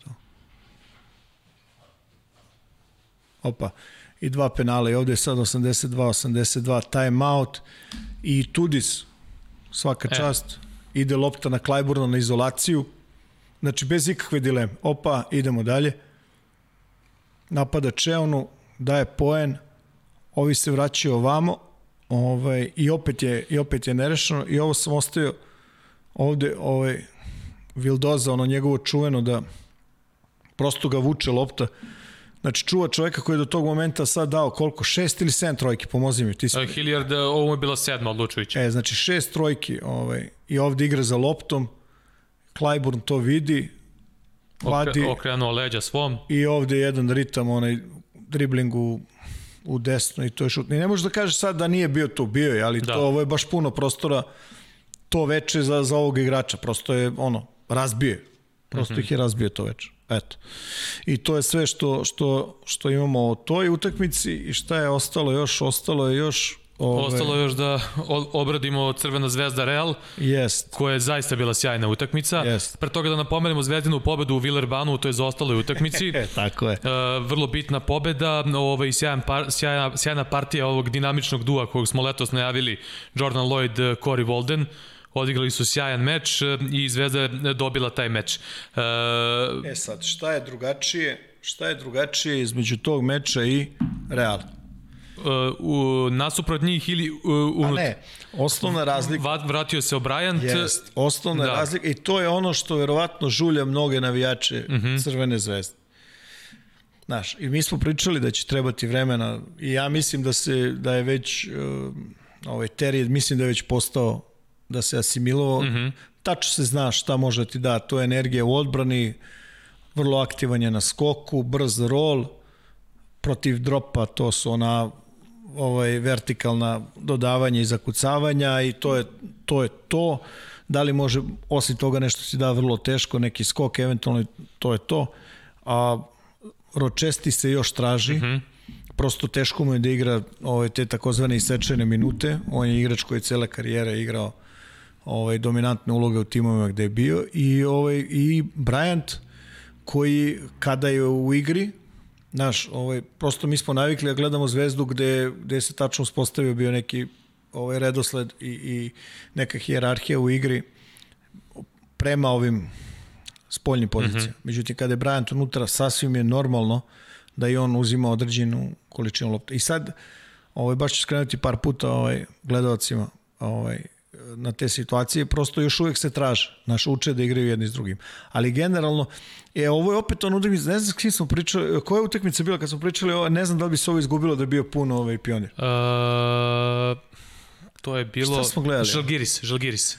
E, Proti Žalgirisa. Pa da. i ovo nešto gledam sve vreme, znaš, i ono razmišljam, znaš, da je tu da se skoči na glavu, se napravi neki haos, otko znaš šta bi bilo. Mislim, kad bi bilo, ajde neću da, da vraćam, ali ovaj, generalno s druge strane imali smo prilike da vidimo naš ovaj Real Madrid svu moć Real Madrida u drugom polovremenu mm -hmm. i opet je Zvezda odgovorila na, na, na tu, tu mečavu koja se desila u trećoj četvrtini i opet je ušla u poziciju da, da odlučuje svoju sudbinu, međutim eto na kraju nije bilo da, uh, dovoljno iskustva ili rutine. 39 šuteva za 3 Reala, nastavimo yes. 18 šuteva za 2. Yes. Uh, fenomenalna odbrana u drugom polovremenu Reala i uh, Rudi Fernandez i Ljulj na, na Lloydu kako su odbranu igrali ono, davno ih nisam vidio, njih dvojica su toliko ono bili, ovaj, da su jurili na sve strane, zaista su ga onako pritiskali po celom terenu.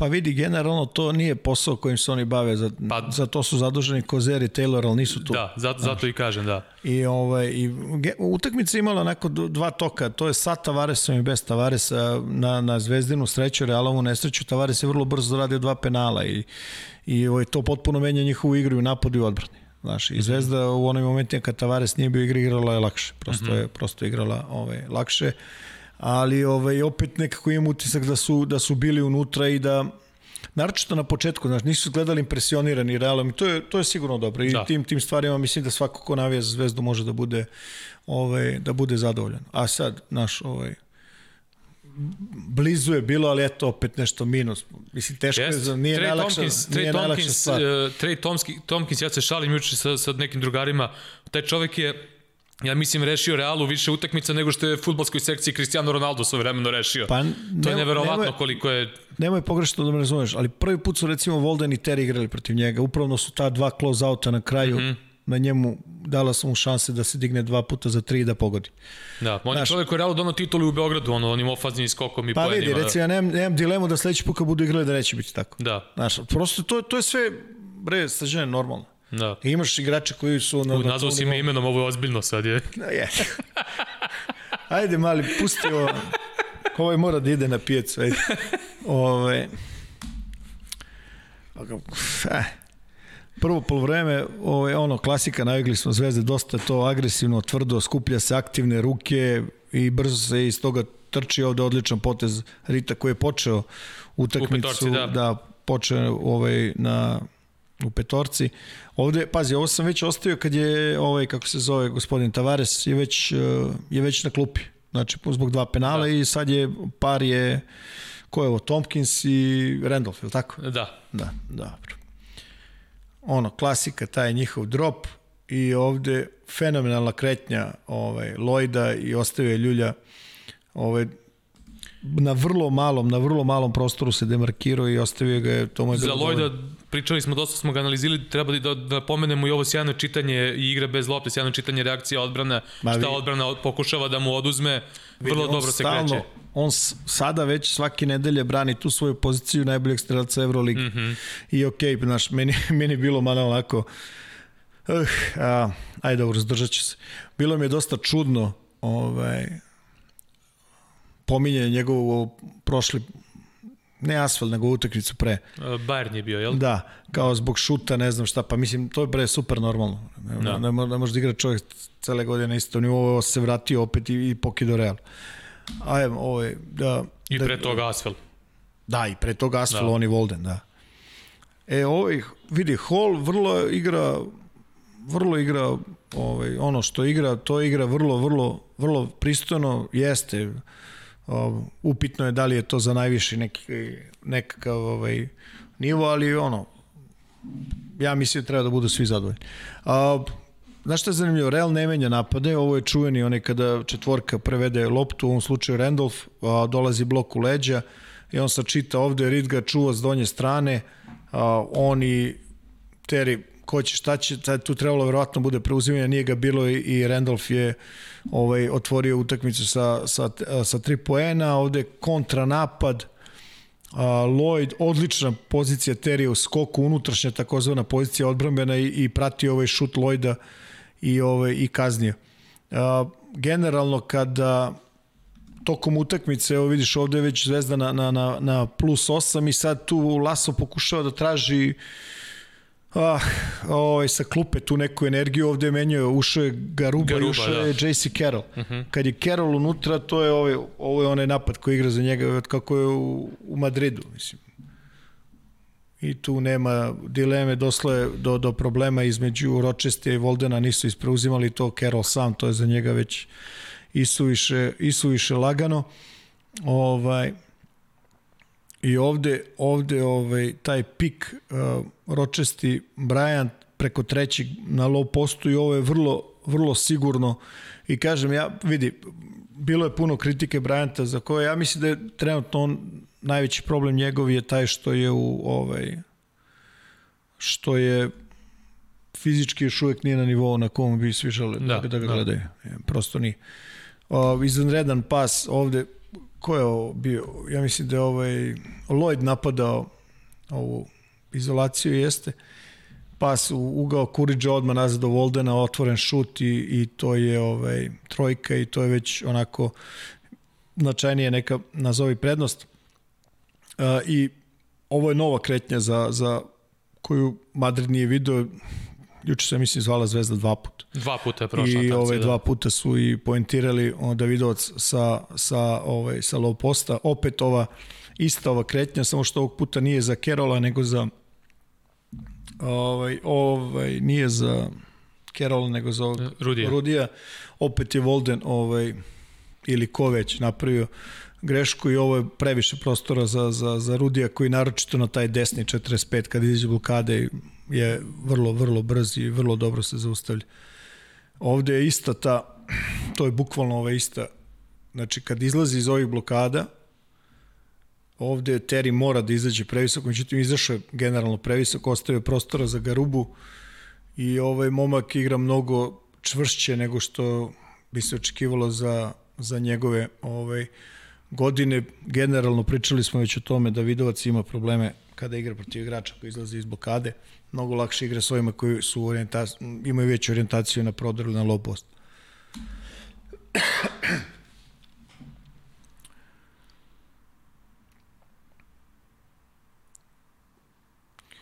Ovde, pogledaj Fernandez šta radi, ovaj, ostavlja Davidovca ovde, zabavlja s loptom, low post Bryant, on to igra protiv Garube na šut, Davidovac kretnja bez lopte na skoku, ovaj nema pojma gde Rudi ne zna gde je Davidovac laga na dva poena i to i dalje Zvezda drži, ovo je početak treće četvrtine, koliko šest poena, I ono što je najznačajnije u stvari povratak Tavaresa, on je izašao da. ponovo sa petorkom s kojim je počeo, a to je Kampaco Ljulj, ovaj, Abalde na 3 i ovaj, Randolph 4, Tavares na 5 i odmah prvi napad. Ovde ovaj, To je ta čuvena Realova treća četvrtina kada ubrzaju onaj ritam, kad počnu u tranziciji da šutiraju mnogo za tri. Koliko puta smo ih gledali svih ovih godina da su okrenuli utakmicu u trećoj četvrtini, to je neverovatno. Oni su u prvom polovremenu za, za 15 minuta šutnuli 16 trojki, mm -hmm. to sam baš sam zapisao samo sebi. I ovaj 20 za polovreme, 26. Mm -hmm. I onda u drugom 11-5 i to je ispostavilo se dosta, dosta ovaj, bilo dovoljno, ali evo ti, znači ovo je, ovo je kad, kada ti rola Tavares, znači on može da uvati sve što baciš na njega, a, i ovde Reed pravi jedan ekstra korak ka lopti umesto ka igraču koga brani i, i kasni, iako je dugačak, iako je agilan za svoju visinu, onako prosto jedan taj, jedan, jedan taj korak nedoumice, znaš, krenuo je prvo gore, onda ka uglu, gledaj se, no.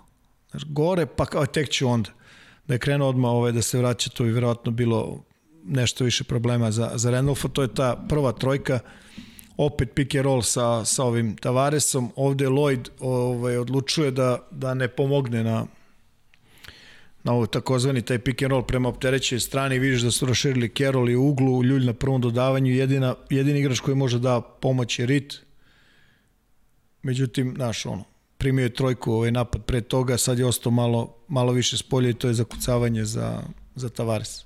Vrlo teška kretnja za, za odbran. I promenio se način odbrane Kampaco je generalno odličan ovaj odbranbeni igrač na, na, na, ovim, na ovim igračima koji ovaj, kad su slobode lopte, znaš. A ovo je ovaj, taj španski takozvani pick and roll koji je prošao izvanredno stvarno izvanredno, ovaj, dobar, dobar blokad, mislim da je Lazić bio, ovaj, da je Lazić bio u blokadi. E, ovo je ono što sam teo ti pričati. Sad u ovom momentu, to je ono, znaš, kad kažu šta znači to kao još uče da igraju jedni s drugima. Vidi sad. Znači, recimo sad u ovom momentu igraju Bryant i, i Kuriđe, obojice su igrači koji igraju na 4 i 5. I sad u ovom, ovaj ugao blokade pod kojim Bryant dolazi i ako hoće da igra u popu što je namerio, otvara se tačno tamo gde, gde su Kuriđa i igrač u uglu. Mm -hmm. Znaš, i to je, vidi, to je jedan detalj koji je mnogo važan, a koji, znaš, vrlo je popravljivi. I to poništava svu prednost koju je imao ispred ovoga, plus ovde, dalje faul bio, dalje, ne, nemam pojma, neće da, znaš, ono, stalno ponavljamo istu priču, znaš, nije sudio, znači nije bio. Ali to je ovo što si pričao, taj treća, ba nije časio čas. Časa nije dobio šut, bukvalno. nije, nije časio časa, ljudi. E, ovo mi je neverovatno, znači pričamo iz nedelju u nedelju, ovo je kretnja koju Zvezda ima. I ne Zvezda, imaju svi timovi Euroligi. I znaš što je neverovatno? Jedni drugima stalno ovo prodaju, barem jedan put. Ovde Davidovac visoko na, na Tavaresu i evo ga, bum. Znaš, moglo je, moglo je verovatno drugačije sa nekim, sa nekim ovaj, preuzimanje. Odlična kretnja Lojda bez lopte. Odlična kretnja. Ljulj odlučio da ide ispod na prvoj, za kasnije dovoljno. Bio je vrlo blizu, ali znaš, to je kasno za ovoga, stvarno je ovaj već Lloyd bio u dobrom, odličnom ritmu. Ovo je fenomenalno posled, ovo već, o, vidi, ovo je već četvrta četvrtina, vidi rezultat. Da. Znači minus dva, Zvezda igra ono fenomenalnu odbranu, agresivno, to stiže se sve živo i ko treba i ko ne treba. I onda Rudi. I vidi ovo.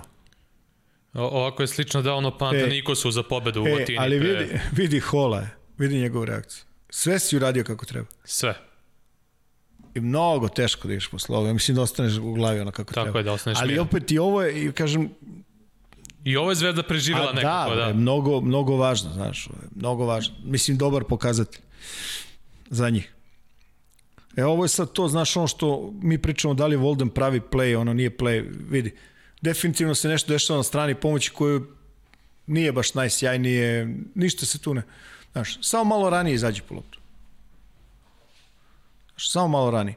Nije problem, on je, znaš, to se sve, ovaj, rešilo i on je postizao, ali kaže, tu su ti one ne- finese, onako, mm -hmm. maš male, onako, detalje, što se kaže. Opet ovaj napad za, za Kerola, Lazić izvanredan, ovde preuzimanje Bryant i dalje Zvezda igra stvarno, stvarno dobro. Ovaj kontranapad Volden i Gles, koliko je ovo? E, i od tog trenutka do kraja Zvezda dala samo dva poena. A. E, to je ta situacija koju oni stvarno puno eksploatišu, a to je taj pik ka dvojici, vidiš? Uh -huh. Vidi, ovde je Lloyd na prvom dodavanju. Čuva Fernandeza koji ima dubok range, to svi znamo, ali ne može da se čuva. Ne može da iskontrolišeš ovo bez toga. Prosto ne možeš. I ovde čak je, čak je i relativno dobro ispalo, međutim, ovaj, viš taj trenutak gde, gde Terry nešto malo ovaj, o, okleva. Oklevo da, ono, krenuo je pa... to. Da, I to je, to je, to je dovoljno Tompkinsu. Da. To je ono što, znaš, ja mislim da je to ono što je Sale mislio, nema pojma, na iskustvo ili šta već, koncentracija i ovde isto, znaš, ovo je trebalo da bude preuzivanje Volde, nije preuzeo, ostade ovaj čovjek sam i, i tu se praktično prelomi, prelomi utakmica, mislim, prosto I to je sa parketa digao loptu, bukvalno. Pa, mislim, znaš, da, je, da li je bio najbolji, ma najbolji ovaj, pas nije, ali bio je dovoljno dobro ubacio je frajer. Ovdje je Campazzo, zaista neverovatna promena. Promena ritma. tempa, ali opet, znaš, kažem ti, opet se, znaš, odbranilo se, opet, e, uveo si Real u, u 24 sekunde i ovaj Volden sam, znači nema, Tavares nema ga, pogledaj ovo.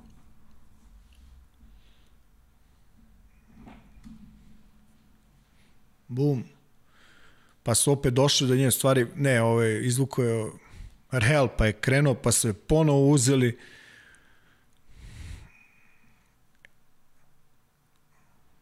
I Lloyd agresivno ovde na ovoga. I Rudi izbija loptu i lopta kolena, misli da je to to. Mislim, baš onako blizu je, blizu je bilo, baš je blizu bilo, ali ono, ovaj, ipak je to, kažem ti, Real Madrid, znaš. Možeš da. da igraš s njima, onda ćeš verovatno lakše igrati protiv nekih drugih. Da, Zvezda, Zvezda ima uh, paklan raspored posle ove dve utakmice, uh, pored uh, utakmice za vikend u, u ABA ligi, uh, Zvezda ide u Milano i, i ide u Barcelonu. Dakle, dva izuzetno teška gostovanja. Ovaj, uh, Dok ne jave da se ne igra zbog COVID. Pa vidjet ćemo. Po nekim informacijama Milano će igrati sutra sa Kantuom. Ovaj tako da ver, verujem da će da će biti ta utakmica redovno na, na rasporedu. Ovaj i na, na sve to e, se naslanja derbi sa Partizanom u ABA ligi. Posle toga Partizan večeras ima meč sa Cibonom kada mi snimamo i Partizan ima duplu nedelju sledeće nedelje Unix i Juventus na domaćem terenu u Evrokupu. Tako da to je nešto što čeka naše predstavnike naredne nedelje. Džile, je li vreme da najavimo našeg današnjeg gosta koji je ovako uh, najavili, najavio, si, na, najavio si prošle nedelje i brže smo ga doveli nego, nego što smo planirali. Da. Pa... Ovaj, i, I ono što moramo da naglasimo zaista, ono, pored toga što njegova ekipa ove godine igra sjajno, ovaj, na početku Evrolige. Generalno šmekerski se ponao i... Jedan neverovatan potez, zaista, ono, pre puta u Tel Aviv je čovek seo u ranom zorom u 7 ujutru da snimi s nama intervju. Yes. Ovaj, još jednom... Otišao na trening pa za Tel Aviv. Jesu ih ovi stresli tamo, ali Ja rekao, sve, znaš, ono, da mu pišem poruku u matori, ono, izmalersali smo, te sad da ti kažem. Pa, da, Ali da. ono, ovaj, i mislim je to bilo zanimljivo, da ne prepričavamo mi, nego da to pustimo, ovaj, a svima, a, pozdrav do, do sledeće epizode. A, sledeća epizoda će biti vrlo zanimljiva. Jeste, imaćemo i draft, imaćemo i, i goste i tako dalje, tako dalje, da sada ne pričamo mnogo. Ovaj, e, za kraj e, intervju sa trenerom Žalgirisa Martinom Schillerom, čovekom koji je prošle sezone bio trener godine u G ligi, bio pri Utah Jazzu, vodio njihov razvojni tim, imao najbolji učinak u G ligi pre prekida sezone ovaj, i ove godine eto, e, vodi ekipu Žalgirisa, tako da za kraj intervju sa Martinom Schillerom mi vas pozdravljamo. Ćao! Okay, Coach Schiller, it is uh, it is honor to have you. Thanks for your time, and welcome to our podcast, Block uh, for Block. Thank you very much, Alex. Thank you very much. I'm looking forward to it. Okay, so we will try, uh, you know, to talk about some things that we think are, you know, interesting for our fans, for your fans, for people who likes basketball, you know, and we'll see how how it will go. Yeah, coach. Let's start with your uh, very interesting uh, basketball path. Uh, you start uh, practically your career in Germany as assistant coach, and uh, after that, uh, you, you, you get the chance to go to the USA. Yes, um, I mean it starts earlier. Like I played basketball myself on a on like on the highest youth level in Germany that you can play on, and I wanted to become a professional player. That was my dream always. But uh, when I was uh, like 17, I figured out it will probably not happen. You know, I was uh, I was pretty good when I was younger, and then the older I got, the worse I got compared to the others. so I figured out pretty quickly that I would not be a professional player, and um, so the next thing was I wanted to be a coach. So that was really very quickly, um, you know, like in my system because my dream was to be like a you know professional, like in basketball, you know. Um, and then I started coaching pretty young in Germany, and I studied sports uh, like management, which was like kind of the closest thing to basketball. You know, it was like a normal thing to do uh, to satisfy, you know. yeah, I understand. The, the parents and everybody, and but it was the closest to basketball. You know, I want to say it like this, and um, yeah, and then I I worked in youth basketball. Like you know, I worked in youth basketball for a long time, for eleven years, and uh, and then I I got a job in Austria as a youth coordinator under Raul Korner. He's a coach in Bayreuth right now. And from there, I went to the Artland Dragons as an assistant coach in the German league um, under Stefan Koch and Tyron McCoy. And mm-hmm. from there on, I went to Ludwigsburg as an assistant coach uh, for John Patrick. And um, and during that time, so after the Artland time, I also got uh, with the German national team with Chris Fleming and Henry Grödel now. So I've been there for five summers. And um, I met Alex Jensen there. He's a yeah. lead assistant, lead assistant with the Utah Jazz. He was with us for one summer in 2015 with the German national team. And um, we really like became friends and two years after to, after he had been with us uh, the utah jazz were looking for a new head coach for the g league team and he threw my name in you know and that's how kind of the thing the thing got moving obviously there was a really long and aggressive interviewing process which Alex, you know, in the U- in the US is really intense and and highly professional, and you know, and there's just so many people fighting for the jobs, you know. Yeah. Um, but that was how kind of my name got thrown in, and then I decided to go there because it was not because I wanted to go to America and it was always my dream to be there. So that that was not so much the case. The point was more that um, after seven years as um, or after five years as an assistant, no, seven years as an assistant coach in, in the BBL, I wanted to be a head coach. And yeah, you, you wanted to run your own show. Yeah, yeah, exactly. And I couldn't get the job in, in Germany. I couldn't get a job as a head coach. And and then you know uh, the, the Salt Lake City Stars offered me the job, so that's why I went. You know, to to to to become a head coach and and.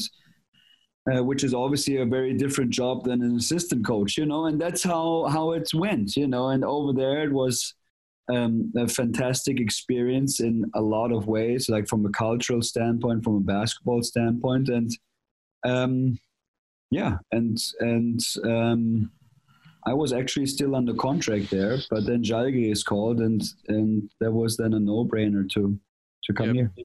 Uh, can you describe how, how it looks uh, to, to be a head coach in a G League? How it looks when, I don't know, uh, NBA uh, team uh, call up player during the warm up or something like that?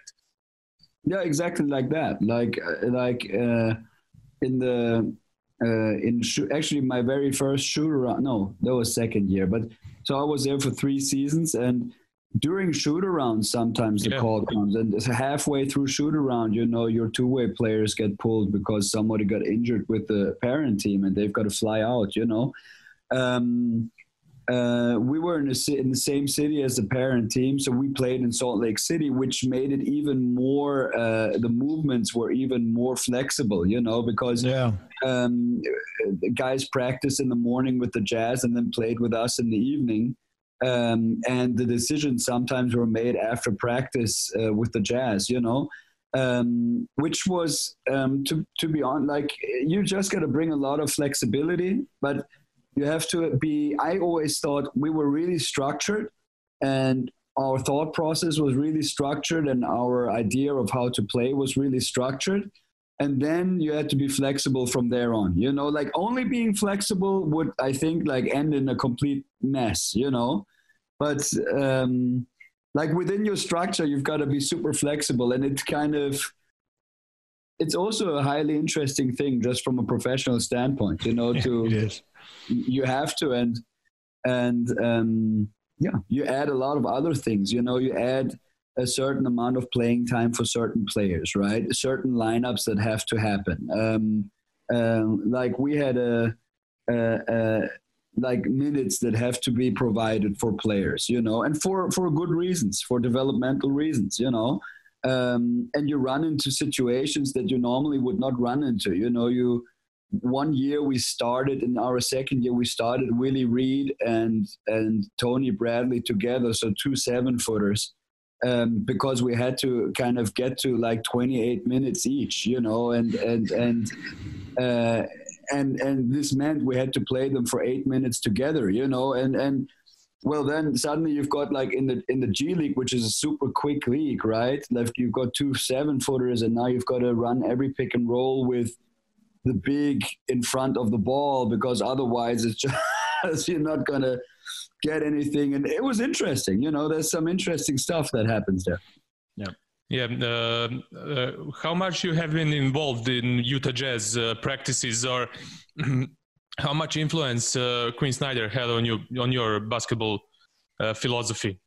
Um, uh, a lot. like I was completely involved. Like so, I ran the um, the draft, the whole draft process, all draft workouts. Like me and my staff ran. Uh, and then traditionally, we'll always complete part of the whole preseason with the Jazz, and um, meaning meaning that we were like like we. If I say we, I mean me and my staff. Uh, that we were in all coaches meetings. Uh, always access to coach. You know, I I was in the locker room with the Utah Jazz on game days. Mm-hmm. Um, uh, uh, you you know like when when I was there as the season goes on like you can't get to the games that often anymore because you've got your own season going on you know? Uh, but the G League season ends kind of early in end of March and uh, beginning of April depending on how far you go. And then I always jumped right back to the Jazz. So the uh, the connection was really tight and Quinn uh, was extremely uh, open and the and he really helped a lot. Like I'm in, I'm, I'm in uh, good contact with him. Okay, coach. Uh, I'll go back just a little bit. If you can, you know, just tell us, uh, you know, specifically uh, your opinion about, you know, actually differences in your part of the job as assistant coach, as uh, as you said, G League head coach, and now your league head coach. So it's for me, from my experience, that's like totally three different, you know, point of views. Like your role, you know, your your uh, input, uh, decision making, which people don't understand. Basically, it's uh, as we were talking while we were, you know. Uh, uh, talking about this this podcast, I think I told you like it's so easy to give advices. It's way easier than than give orders, and you know just tell us something about it. Like so, European assistant coach, then head coach G League, and now back EuroLeague head coach. So if you can compare your your three jobs. Yeah, um, you just said it. Um, like I, the biggest difference between being an assistant coach and a head coach is exactly what you said. Like the one is uh, the one job, the assistant coach job, like it gives advice, right, and and opinions and analyzes and and gives the advice, you know, upon those analyzations, right, and uh, and the head coach has to make the decisions, right, and and and it's and that's what you get paid for. It's it's uh, it sounds so profound, but it's really what it is. And making the decisions is just a completely different job, right? And um, I I think also after having made the experience as a head coach now. Uh, I would probably be a better assistant coach, you know, exactly. uh, understanding, understanding where I can like help my head coach without wasting time, without wasting words, just doing things, uh, uh, you know, to get stuff done and, uh, uh you know, feeling out what he needs um, uh, and, and, and doing the things quickly, you know. Um, I, yeah, you know, and also I think as assistant coach, I, I'm speaking for myself. Um, I'm speaking for myself, like having a feel and understanding for, um, how should I say, like when to give advice and when not to, and how to do it, and it's you know, important. we are what is the emotional component to it too, right? Like, um, like when I'm an assistant, when I was an assistant, you were so convinced of certain things, and I I will say that I I was always, I think the biggest trait as an assistant coach is loyalty. Uh, I think loyalty is more important than knowledge as an assistant coach. Um, so I really, I, I was always 100% loyal to everybody I worked for.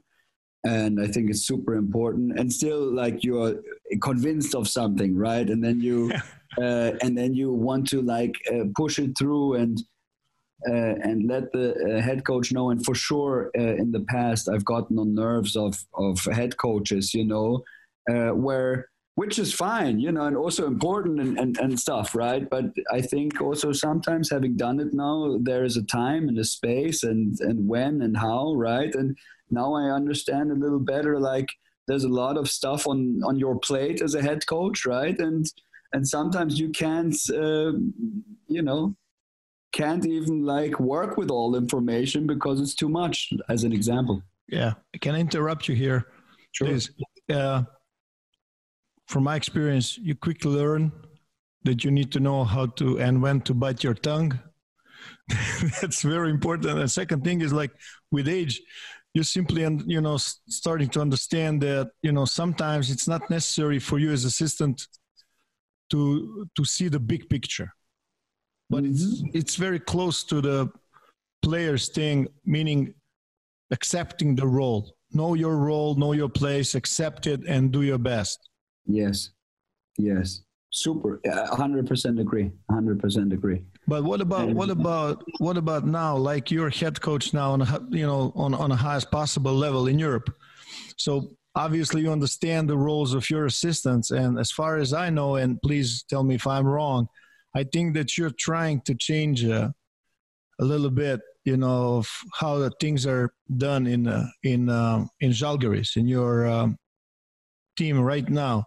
Yeah, I yeah. think um, like uh, it goes hand in hand with what I believe in, like for my assistants in general. Like I like, and that's what I liked in the in the G League as well. Like I had really, really good staffs. Like I, am really proud of of the people and the professionals who who we put together. You know, um, and because um, at the end of the day, like that's the real uh, uh, professional family right there, right? Like because you're in the light spaces and in the dark dark places you know and, and, you're in it together or you better be together otherwise it gets really ugly right and and so i'm really proud of the people who i who i worked with you know in the groups and and that's really important to me i think the fact of having a group that you work together with is very important for the team and for the players like i they sense really quickly if you're together or not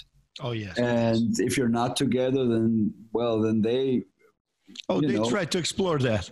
Exactly. And their sensors um, are on twenty four seven. Exactly. So I think I think uh, I think that's really important.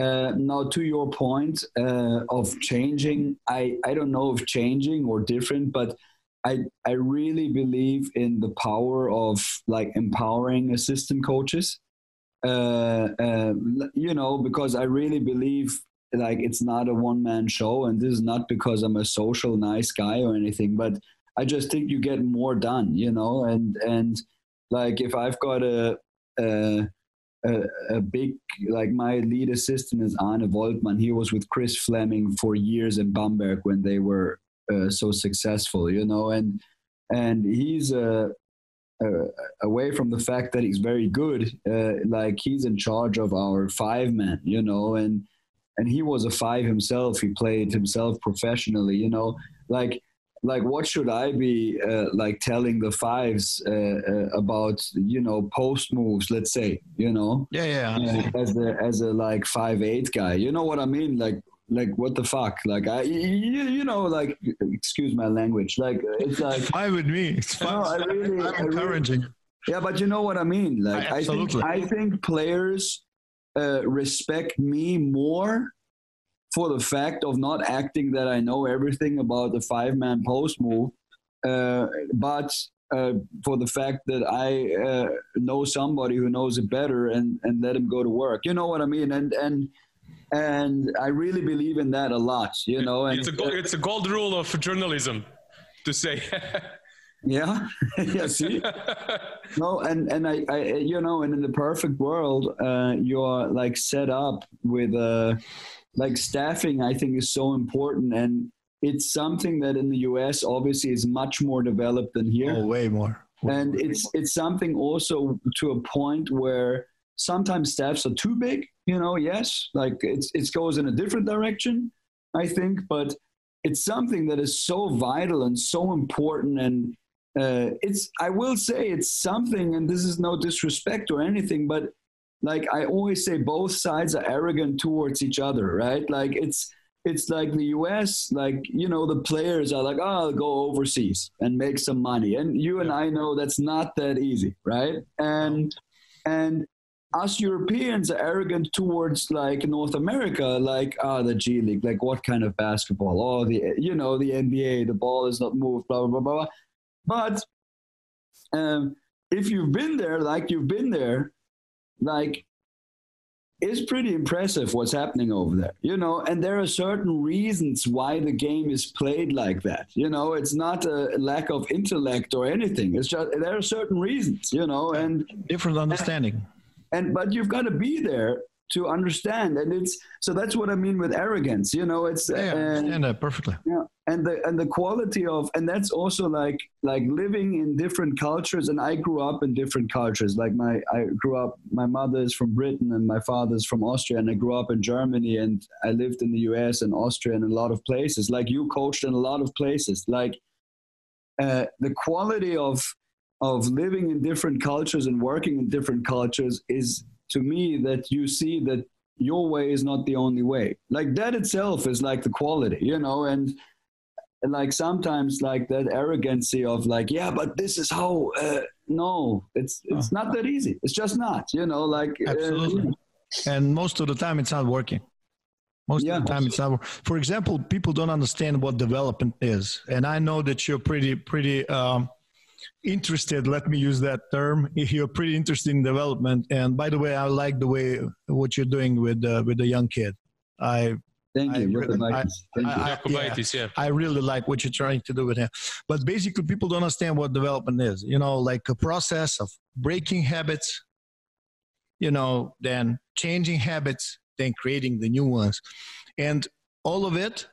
And I, I and I connected those, these two questions with the staff and head coaching job and everything Mhm. with this because I believe that you know we should give chance to our players to be more functional at the end of the season than than at the start of the season. People like to say people like to use the word better, but I don't. I'm not sure that's the right word. I like to I like to use the word more functional because you know like you're the one who who is you know running the show right now, and basically they should follow and they should try to do what you are asking them to do.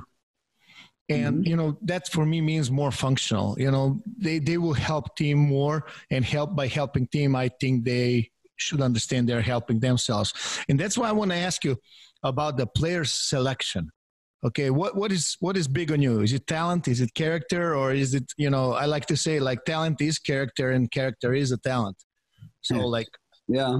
tell us something I- about it please Um, I really like the last three years. Like the G League is is phenomenal. Like the like really like the G League is is an unbelievable uh, uh, thing. You know, it's uh, and like when I got there, we had a really really like a poor team. Like we we're not good. You know, and and and uh, the the GM of the team is also the director of of uh, uh, pro personnel with the Utah Personnel, Jazz. yeah, So it's a yeah. really good Bart Taylor. It's a really good combination of jobs also. You know because like by doing the G League as a GM, he overviews all like players who could be uh, end of roster guys. You know, like he was in charge of getting Royce O'Neal to the Utah Jazz, et cetera, et cetera. You know, and it's like a, uh, it's a perfect combination, the job. You know, and so him and I, like, and my coaching staff, like, we recruited like unbelievable. Like our like we invested the three years so intensely, you know, and the great thing about the US, I think, is that uh, everybody's kind of operating with the same budget.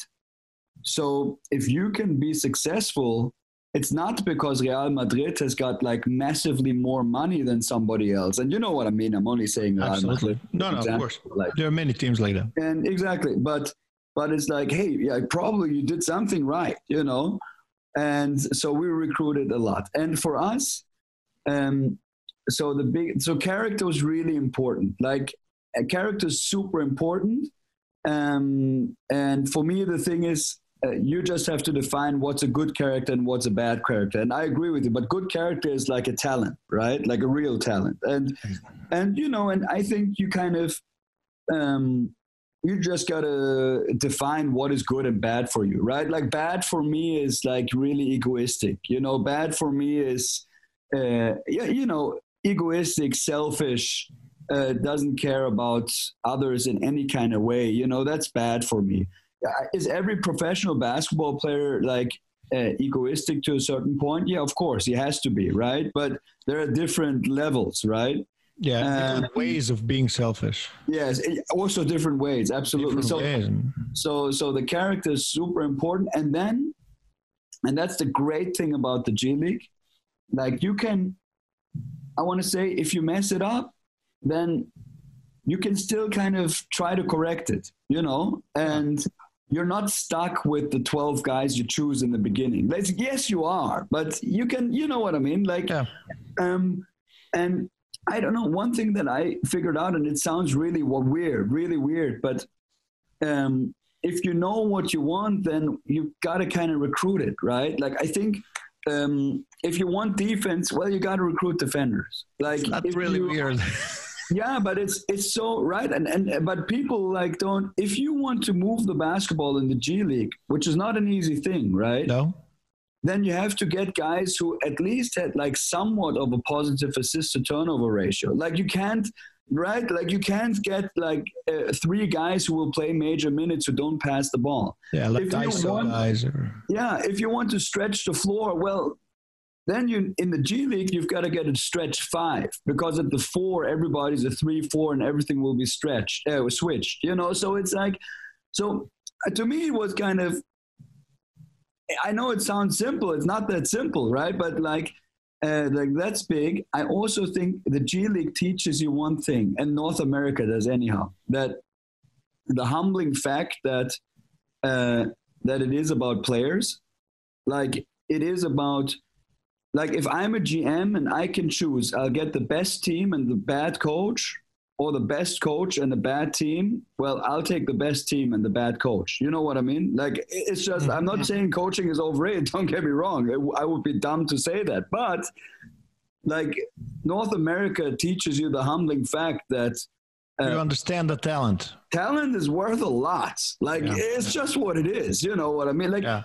like Tyrese Rice, right? Like Tyrese, like a lot of European coaches, like like kind of Tyrese is nonchalant, cool, right? Like he's a cool dude, and right, and and and he's and and and and in some uh, European cultures, like uh, like some uh, coaches may not like that. Bottom line is, he's a great guy.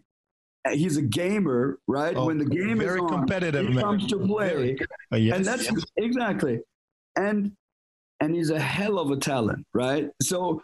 Well, that's a lot, right? So, so, so don't be way- yeah, right? Like, like, uh, like, um, I don't know if this makes sense, but like, you know, yeah, yeah. Find a way to to respect it and to use it. yeah, and use That's, it. And- that's part of the coaching job. Yes, exactly. And don't get hung up on the fact that he can like you know what I mean, right? Yeah. That is perhaps And- here's the pick and roll coverage and it's not hundred like yes, yes, okay, do it better. Like try to do it better, but also understand you've got somebody who's unbelievable like on other aspects of the game and a great guy, right? And therefore he had the career that he had. Well, it's all about finding balance. Let me ask you another thing. So, uh, you know, you know, in a perfect world, you know, coaches um, are very active. They have great impact in selection. But as you know, and the reality is that most of us, they're not in that type of position. Simply, we are not.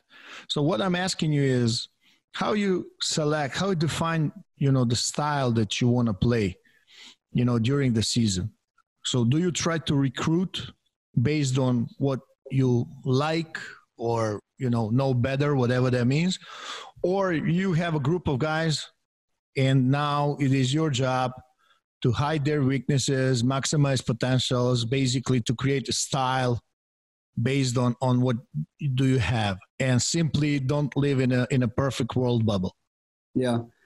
So, uh, in reality, in three years G League, two years like I could form it in year two and year two and year three with together with my GM, and so um, I will say I recruited what I wanted and what I knew the best. You know, like I, I, I will say like that. I know the fancy answer is to say, hey, you know, I want to, I can do everything and take every everybody and blah. blah. No, no, no, no. I we really looked for for what like I wanted and what you know I liked, and you know that was uh, especially like stretching the floor with the bigs. You know, especially that was like a big, big factor where like my GM at a, like and he's again he's great uh, at a certain point in time like he just didn't uh, he just didn't uh, come up with like four men who couldn't shoot the ball. You know like it was just a no-go you know? And then even if it was like a really talented player we just wouldn't do it because it didn't fit us you know? So so that was kind of um, to answer the question okay Uh, coach, um stats and tendencies versus uh, instincts. in the recruiting process N- no, uh, during the during the game. how would you how would you like we are living in a world Yeah. of uh, of uh, anal- analysts and everything and advanced stats, especially in USA. I would say like this, like mm, preparing the game, preparing the game. Um, we look at at stats and and you know and and analytics and tendencies. Uh, and then also like putting the game plan together, it plays a big role.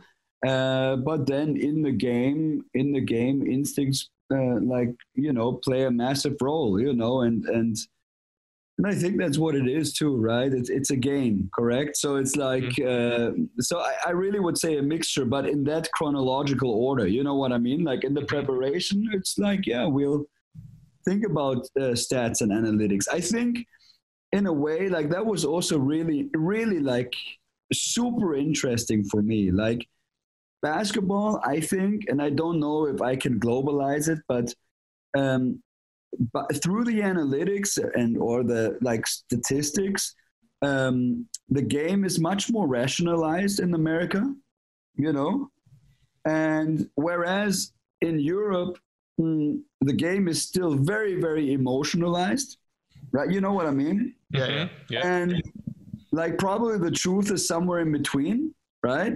Um, for I'll give you an example. Like for me, and uh, guys, and I may change tomorrow, but um, like just the statistical fact of every of, of, of in North America, like wanting to force the pull up two two two ball, right, uh, and and being dropped in your pick and roll coverage uh, because of that, right, like and and um and almost giving it up, right, like giving up that that pull up shot, like it's just something that that it it emotionally doesn't fit me so much. You know what i mean? Mm-hmm. and and and that's not based on stats. It's based on an emotion right? And coach snyder and i like we always were on the same page that we said listen let's let's cover the pick and rolls aggressively with the stars like with the g league team to uh, like because uh, we can easily get the bigs to like be more dropped if they can be aggressive. And we had Tony Bradley in our developmental program for two years, and we said, "Come on, let's teach him to like move his feet and everything." So, so that was easy, you know. Like he, coach never had a problem with that at all. Like he said, "Hey, that's cool." You know, we were also the only team in the G League that pressed in phases. You know, like full court pressed and and and and and uh, coach thought that was good too, just for you know, like for teaching reasons, you know, of being aggressive, etc., etc. But um, yeah, so you know, that was like emotion versus like stats. At the same time, I was never like an analytics person. I'm I'm not a mathematical person or anything. Yep. But but but like being confronted in the U.S. with the numbers it's really interesting. And it's again like almost the arrogancy you know like the like where us europeans are like yeah they're numbers. Yeah but there's something to it you know like if you tell me there's a reason why the i didn't understand why the post up is dying out. I'd never understood like why is nobody posting up in the nba right? And well when our stats person our analytics uh, boss of analytics like he just shows me the numbers and says, "Hey, listen, man, uh, back to the basket post up is worth like 0.8 points on average. Like, it doesn't make any sense. Like, again, like everybody can argue. I'm not like, you know what? I'm not making a big statement for pro. Or, you know what I mean? Yeah. Mm-hmm. We post up, but it's something to think about, right? Like that's what I'm saying, right? Like it's it's yeah. and it's. I give you another example where I thought analytics were fantastic and stats. Like in my first year in, in the G League, we sucked really badly. Right, we were horrible, horrible, horrible. It was horrible, and uh, my GM and I we sat together and like we like said, okay, listen, like we suck and we got to do something. And then we said, okay, we're bad on offense, we're bad on defense. Like we couldn't score, and then everybody was running at us. You know, it's like a monsoon, right? And um, and then we say, okay, you know what? Let's just let's just d up, and then we you don't have a lot of practice over there, right? But yeah. we said we're only going to invest like on defense. It was like almost like okay, you're on an under 16 team, and you say, listen, it doesn't matter what you do on offense. We'll script a little bit on game day, and that's it. That's all we do on offense. And and then like we just got better defensively. Now did we win games? No, until we like got better players, we didn't win games. But within the 10 game stretch, like we significantly improved defensively, you know, which kind of made us feel good because at least our work was paying off, you know. Yeah. Now, now, Not waste of time. yes. And in Europe, though, you would still be losing games and everything would be horrible and everybody would be emotionalized, right? There, it was, well, you know what? No, no. Like, here are the analytics and here are the stats. And listen, hey, we're still losing games, but actually in the last 10 games, we've been like one of the like top eight teams in the G League out of 28 teams defensively, you know? Well, you know, from a coaching standpoint, at least that gives you something, you know, like, okay, like, so, and, and I valued this analytics there. You know what I mean? Like, Yeah. you know, Coach, Yeah. tell, tell me something about um, ancient collision between my way versus our way, meaning how, what do you do to define goals and roles to your players? Trying to explain them what is good for them, it's not necessarily good for a team. Can you tell us something about process? Because I believe that's very important. Yeah. Um, Defining roles and goals. yes i i i i believe that if you give the player like if you take the player serious and the development of the player whatever the development is right like with us paulius yankunis like yankunas like he's 36 i think and the yankee has won like 13 lithuanian championships right so it's like you could say, well, where's the development? But it's not only that, it's more about like, you know, right? Like, okay, like, hey, Yankee, this is what you do. This is what I see you doing in our system. This is how we can use your qualities, right? Like, thinking about the player, studying the player, knowing the player is taking him serious, right? And, and, and showing the player that you have uh, thought about him and his skills uh, primarily primarily is important. You know, I really believe that. I think if you show the players and and and really like uh, uh, show them they're important and help them become better, either skill wise or within their role, then they will uh, hopefully give back to the group. You know what I mean? Yeah. So I really believe in that, and I, I really believe in that. I, I know it perhaps it sounds weird, but I I really do, and and um, um, so I think it starts there. You know, I think it starts there, um, and then um, and then I mean the fight, the fight of the topic that you're talking about, like let's say in a club like Kaunas, is much smaller than in the G League, for example, right?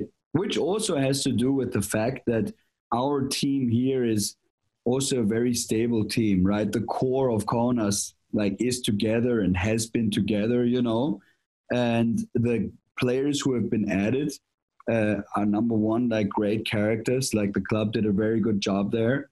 And uh, number two, have been in Europe and know the dynamics of Europe. You know what I mean? And, and know the dynamics of roles. And so um, I, I think one important thing is defining roles you know like and it's not necessarily like uh, standing in front of everybody and saying hey this is your role this is your no but players know pretty quickly right like if you put somebody in the spot to come to his i don't know strength or strong hand or whatever and then it turns out well this is more or less his play and well then you know your role is this and and your role is well end of the game you know we look at this and like oh you're the guy on the best perimeter defender uh, offensive guy every time. Well probably you're going to be the defensive stopper. So i do think roles also get defined by what you do right and but i think that's really important i think that's really important uh, otherwise otherwise it's it goes into gray zones right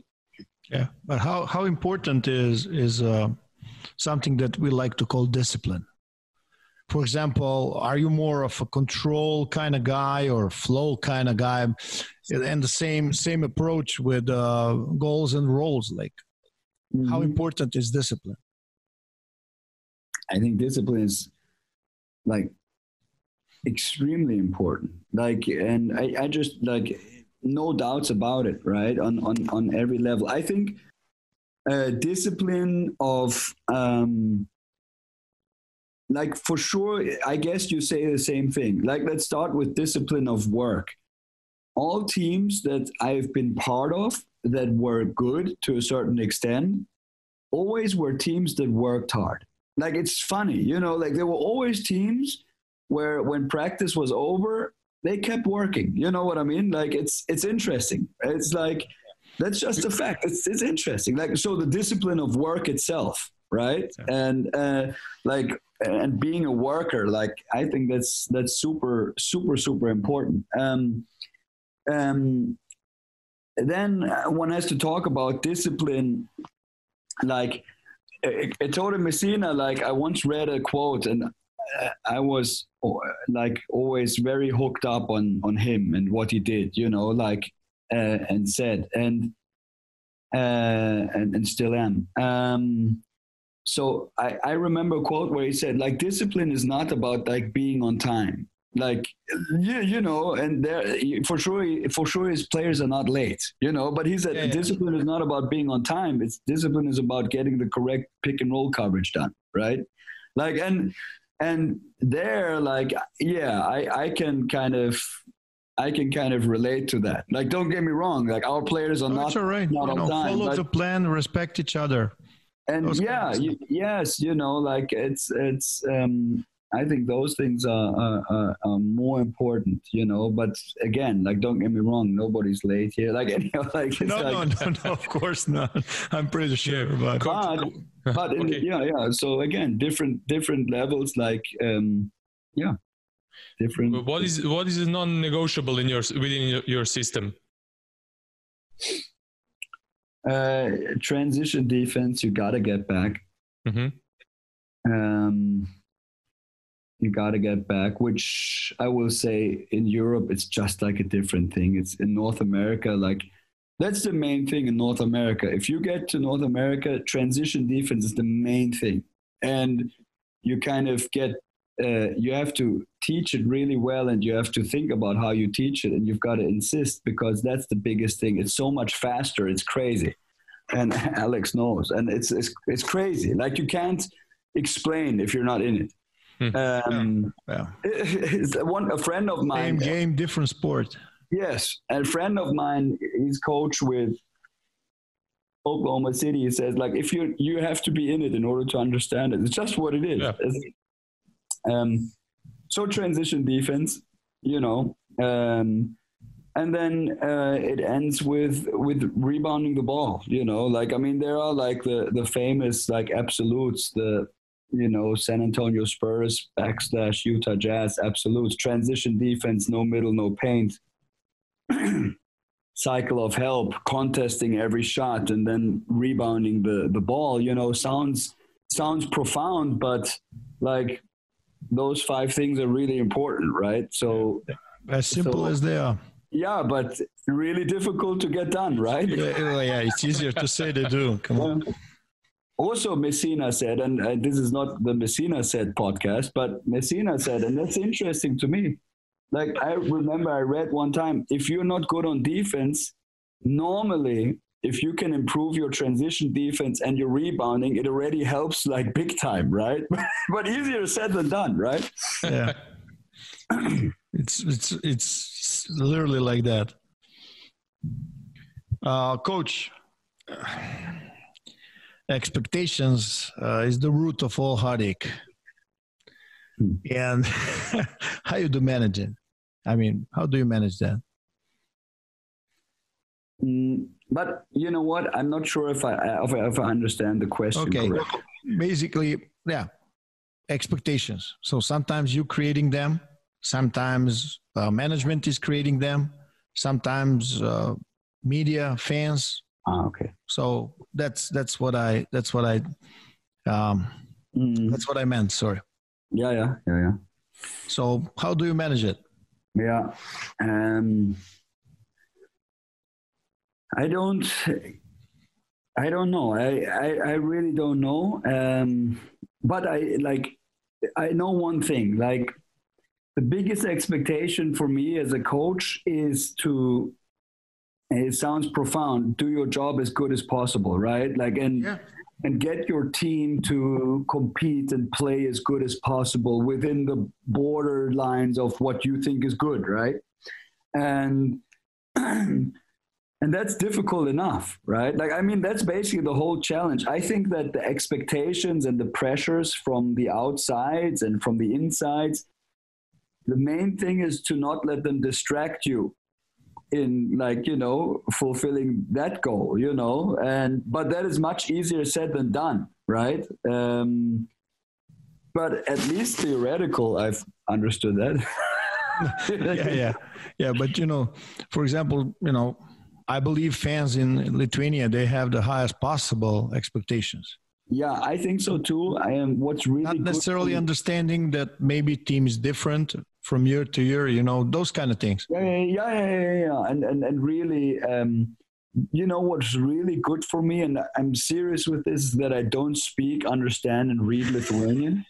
like really, right? Like that's like, of course. like that's because that could just like distract, you know, because we can act as if it wouldn't, but everything does, you know. So I think that's kind of important that I don't uh, understand it. So that kind of keeps me away from that because that yeah, helps. of course, like the the the crowd is the it's such a. I mean, you worked here, right? It's such a. it, it's it's it's a it's a intense and really impressive, you know, like really impressive uh, thing. Yeah, well, I mean, from the start, I understand that the basketball is their religion. Yeah, yeah it yeah. is. they're very passionate they're very emotional and they, they like basketball it's for them it's it's very very important yes yeah yeah um, coach you know just a little bit about this this season you know watching all those games and as uh, Srdjan said, like we're watching most of the games, and you know, so far I think that you should be satisfied with the with the season. I don't know how you feel about it, but I want to say something about this. Like, so many guys are, you know, like cutting clips. Oh, Žalgiris is playing this, playing that, you know, which kind of makes me unhappy because I think they are overlooking something that you do very good, and that's that defensive part of basketball, including transition defense. So I'm asking you how, how you feel about it. Thank you. That means a lot from you. I'm serious. Thank you. No, no, really, like it's the that part of your of, of your basketball, Žalgiris basketball this season is totally overlooked. And everybody's like, hey, Schiller is doing this, look at this, look at this. And and like 90% are like offensive clips and people editing and putting on Twitter and YouTube. I said, like, come on, guys, say something nice about defense. Look what they do there. No, really, the effort is there, the execution yeah. is there. Same thing in offense. Like, it's nothing. Sorry, I will use that term. It's not fancy, but yeah. it works. I don't yeah. know. Do you agree? It's the same like uh, Golden State Warriors a few years ago. Everybody speaks about offense, nobody about their defense. You know. Yeah. So I'm I'm just asking how you feel about it. And, no, and please be all, smart. Don't you. be don't be honest. No, no, no, no, no. no, thank you. Like I'm serious. Like this means, uh, like like you know, like from peers, it's something different, right? Like, and thank you. Um, no, but I don't. I don't. I really. Uh, I know this will not be a satisfying answer for you. Like I don't. Uh, I'm really not a big social media guy. I just like yeah. that's why I really can't. I don't follow uh, uh, so much. Like I only got a, a, Instagram account because when I got this job, uh, like there were suddenly fake accounts with pictures of my family. So uh, so we said, okay, we have to get a account ourselves, you know. Yeah, to but I literally don't know how to post something. So it's. like i mean i posted some stuff but it's uh, it's all my wife so uh, but um, um, so I, I, really don't follow so much. But it's I want to. I, I can't answer your question, but I can say one thing. If you say it's nothing special, then I will agree. Like, and I'm kind of I believe, and I'm a young coach, and I don't have the answers by no means, but I can like by having coached a little bit, I can at least say who deep inside emotionally I am, right? Like as a coach, and I think like um, I don't think like I kind of like putting stuff together that works for the players and then go from there. You know what I mean? Which Exactly. to your point is not special. You know what I mean? Like I think No, no, no, no. Just please, coach. I don't no, want. I, I, I don't get you wrong. No, no, no. Yeah, I, I, okay, good. That's very important for me. I know. I respect what you say, and I actually, I'm kind of a little bit proud of what you say. Like, if I could be, if I could be known as uh, as, as somebody who plays basketball, like, well, you know, it makes sense to put him there. Hey, he uses his players smartly, you know. And they defend, like that's really important, right? Or they give an effort on defense, then I'd be satisfied, like from a philosophical standpoint. You know what I mean? Like I'm, No, of course, because that's a sign of so many other things.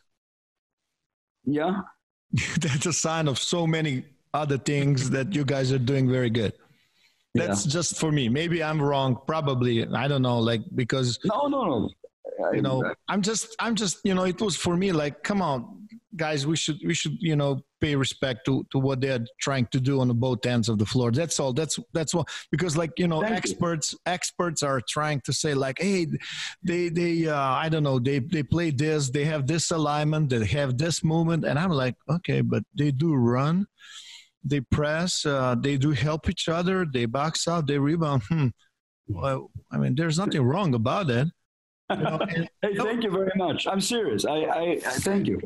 Okay, good. I, I just wanted to say that. I just wanted to say that loud, you know, Mhm. because that's it. So, Coach, before you go to Tel Aviv, uh, Yeah. we have some uh, usual set usual set of questions for every guest. Uh, Yes. How do you get up when you fall? How do I get up when I fall? Um, if just just get up, and I tell you, like I mean, coach knows, like, like I. Like we are in dark places sometimes, like really dark places, right? And like, and I, th- I also think that the media, by the way, like Alex, what you were talking about before, like, like they don't know, like right, like they don't know. And there's this great quote. I love the quote. And I think it was from Roosevelt, but I'm not sure. It's like you have to look it up. It's about the man in the arena. And it's about like the spotlight belongs to the guy who is in the arena, right? And gets up every time again, you know, right? And the spotlight is not about the people who are spectating. And no, that like the respect has to be owed to the people who have the balls to actually do it, right? Because this is not easy, right? And like if people think it's easy to go to the G League and just coach there, like they're mistaken, right? Like Alex, like if people think it's easy to coach in multiple countries like you did, it's not easy. absolutely. And Absolutely. we end up in dark, dark places, like right, like where like you really ask yourself a lot of like questions, right? Like you're questioning yourself, and Yes. you're in a dark place, and you're very lonely.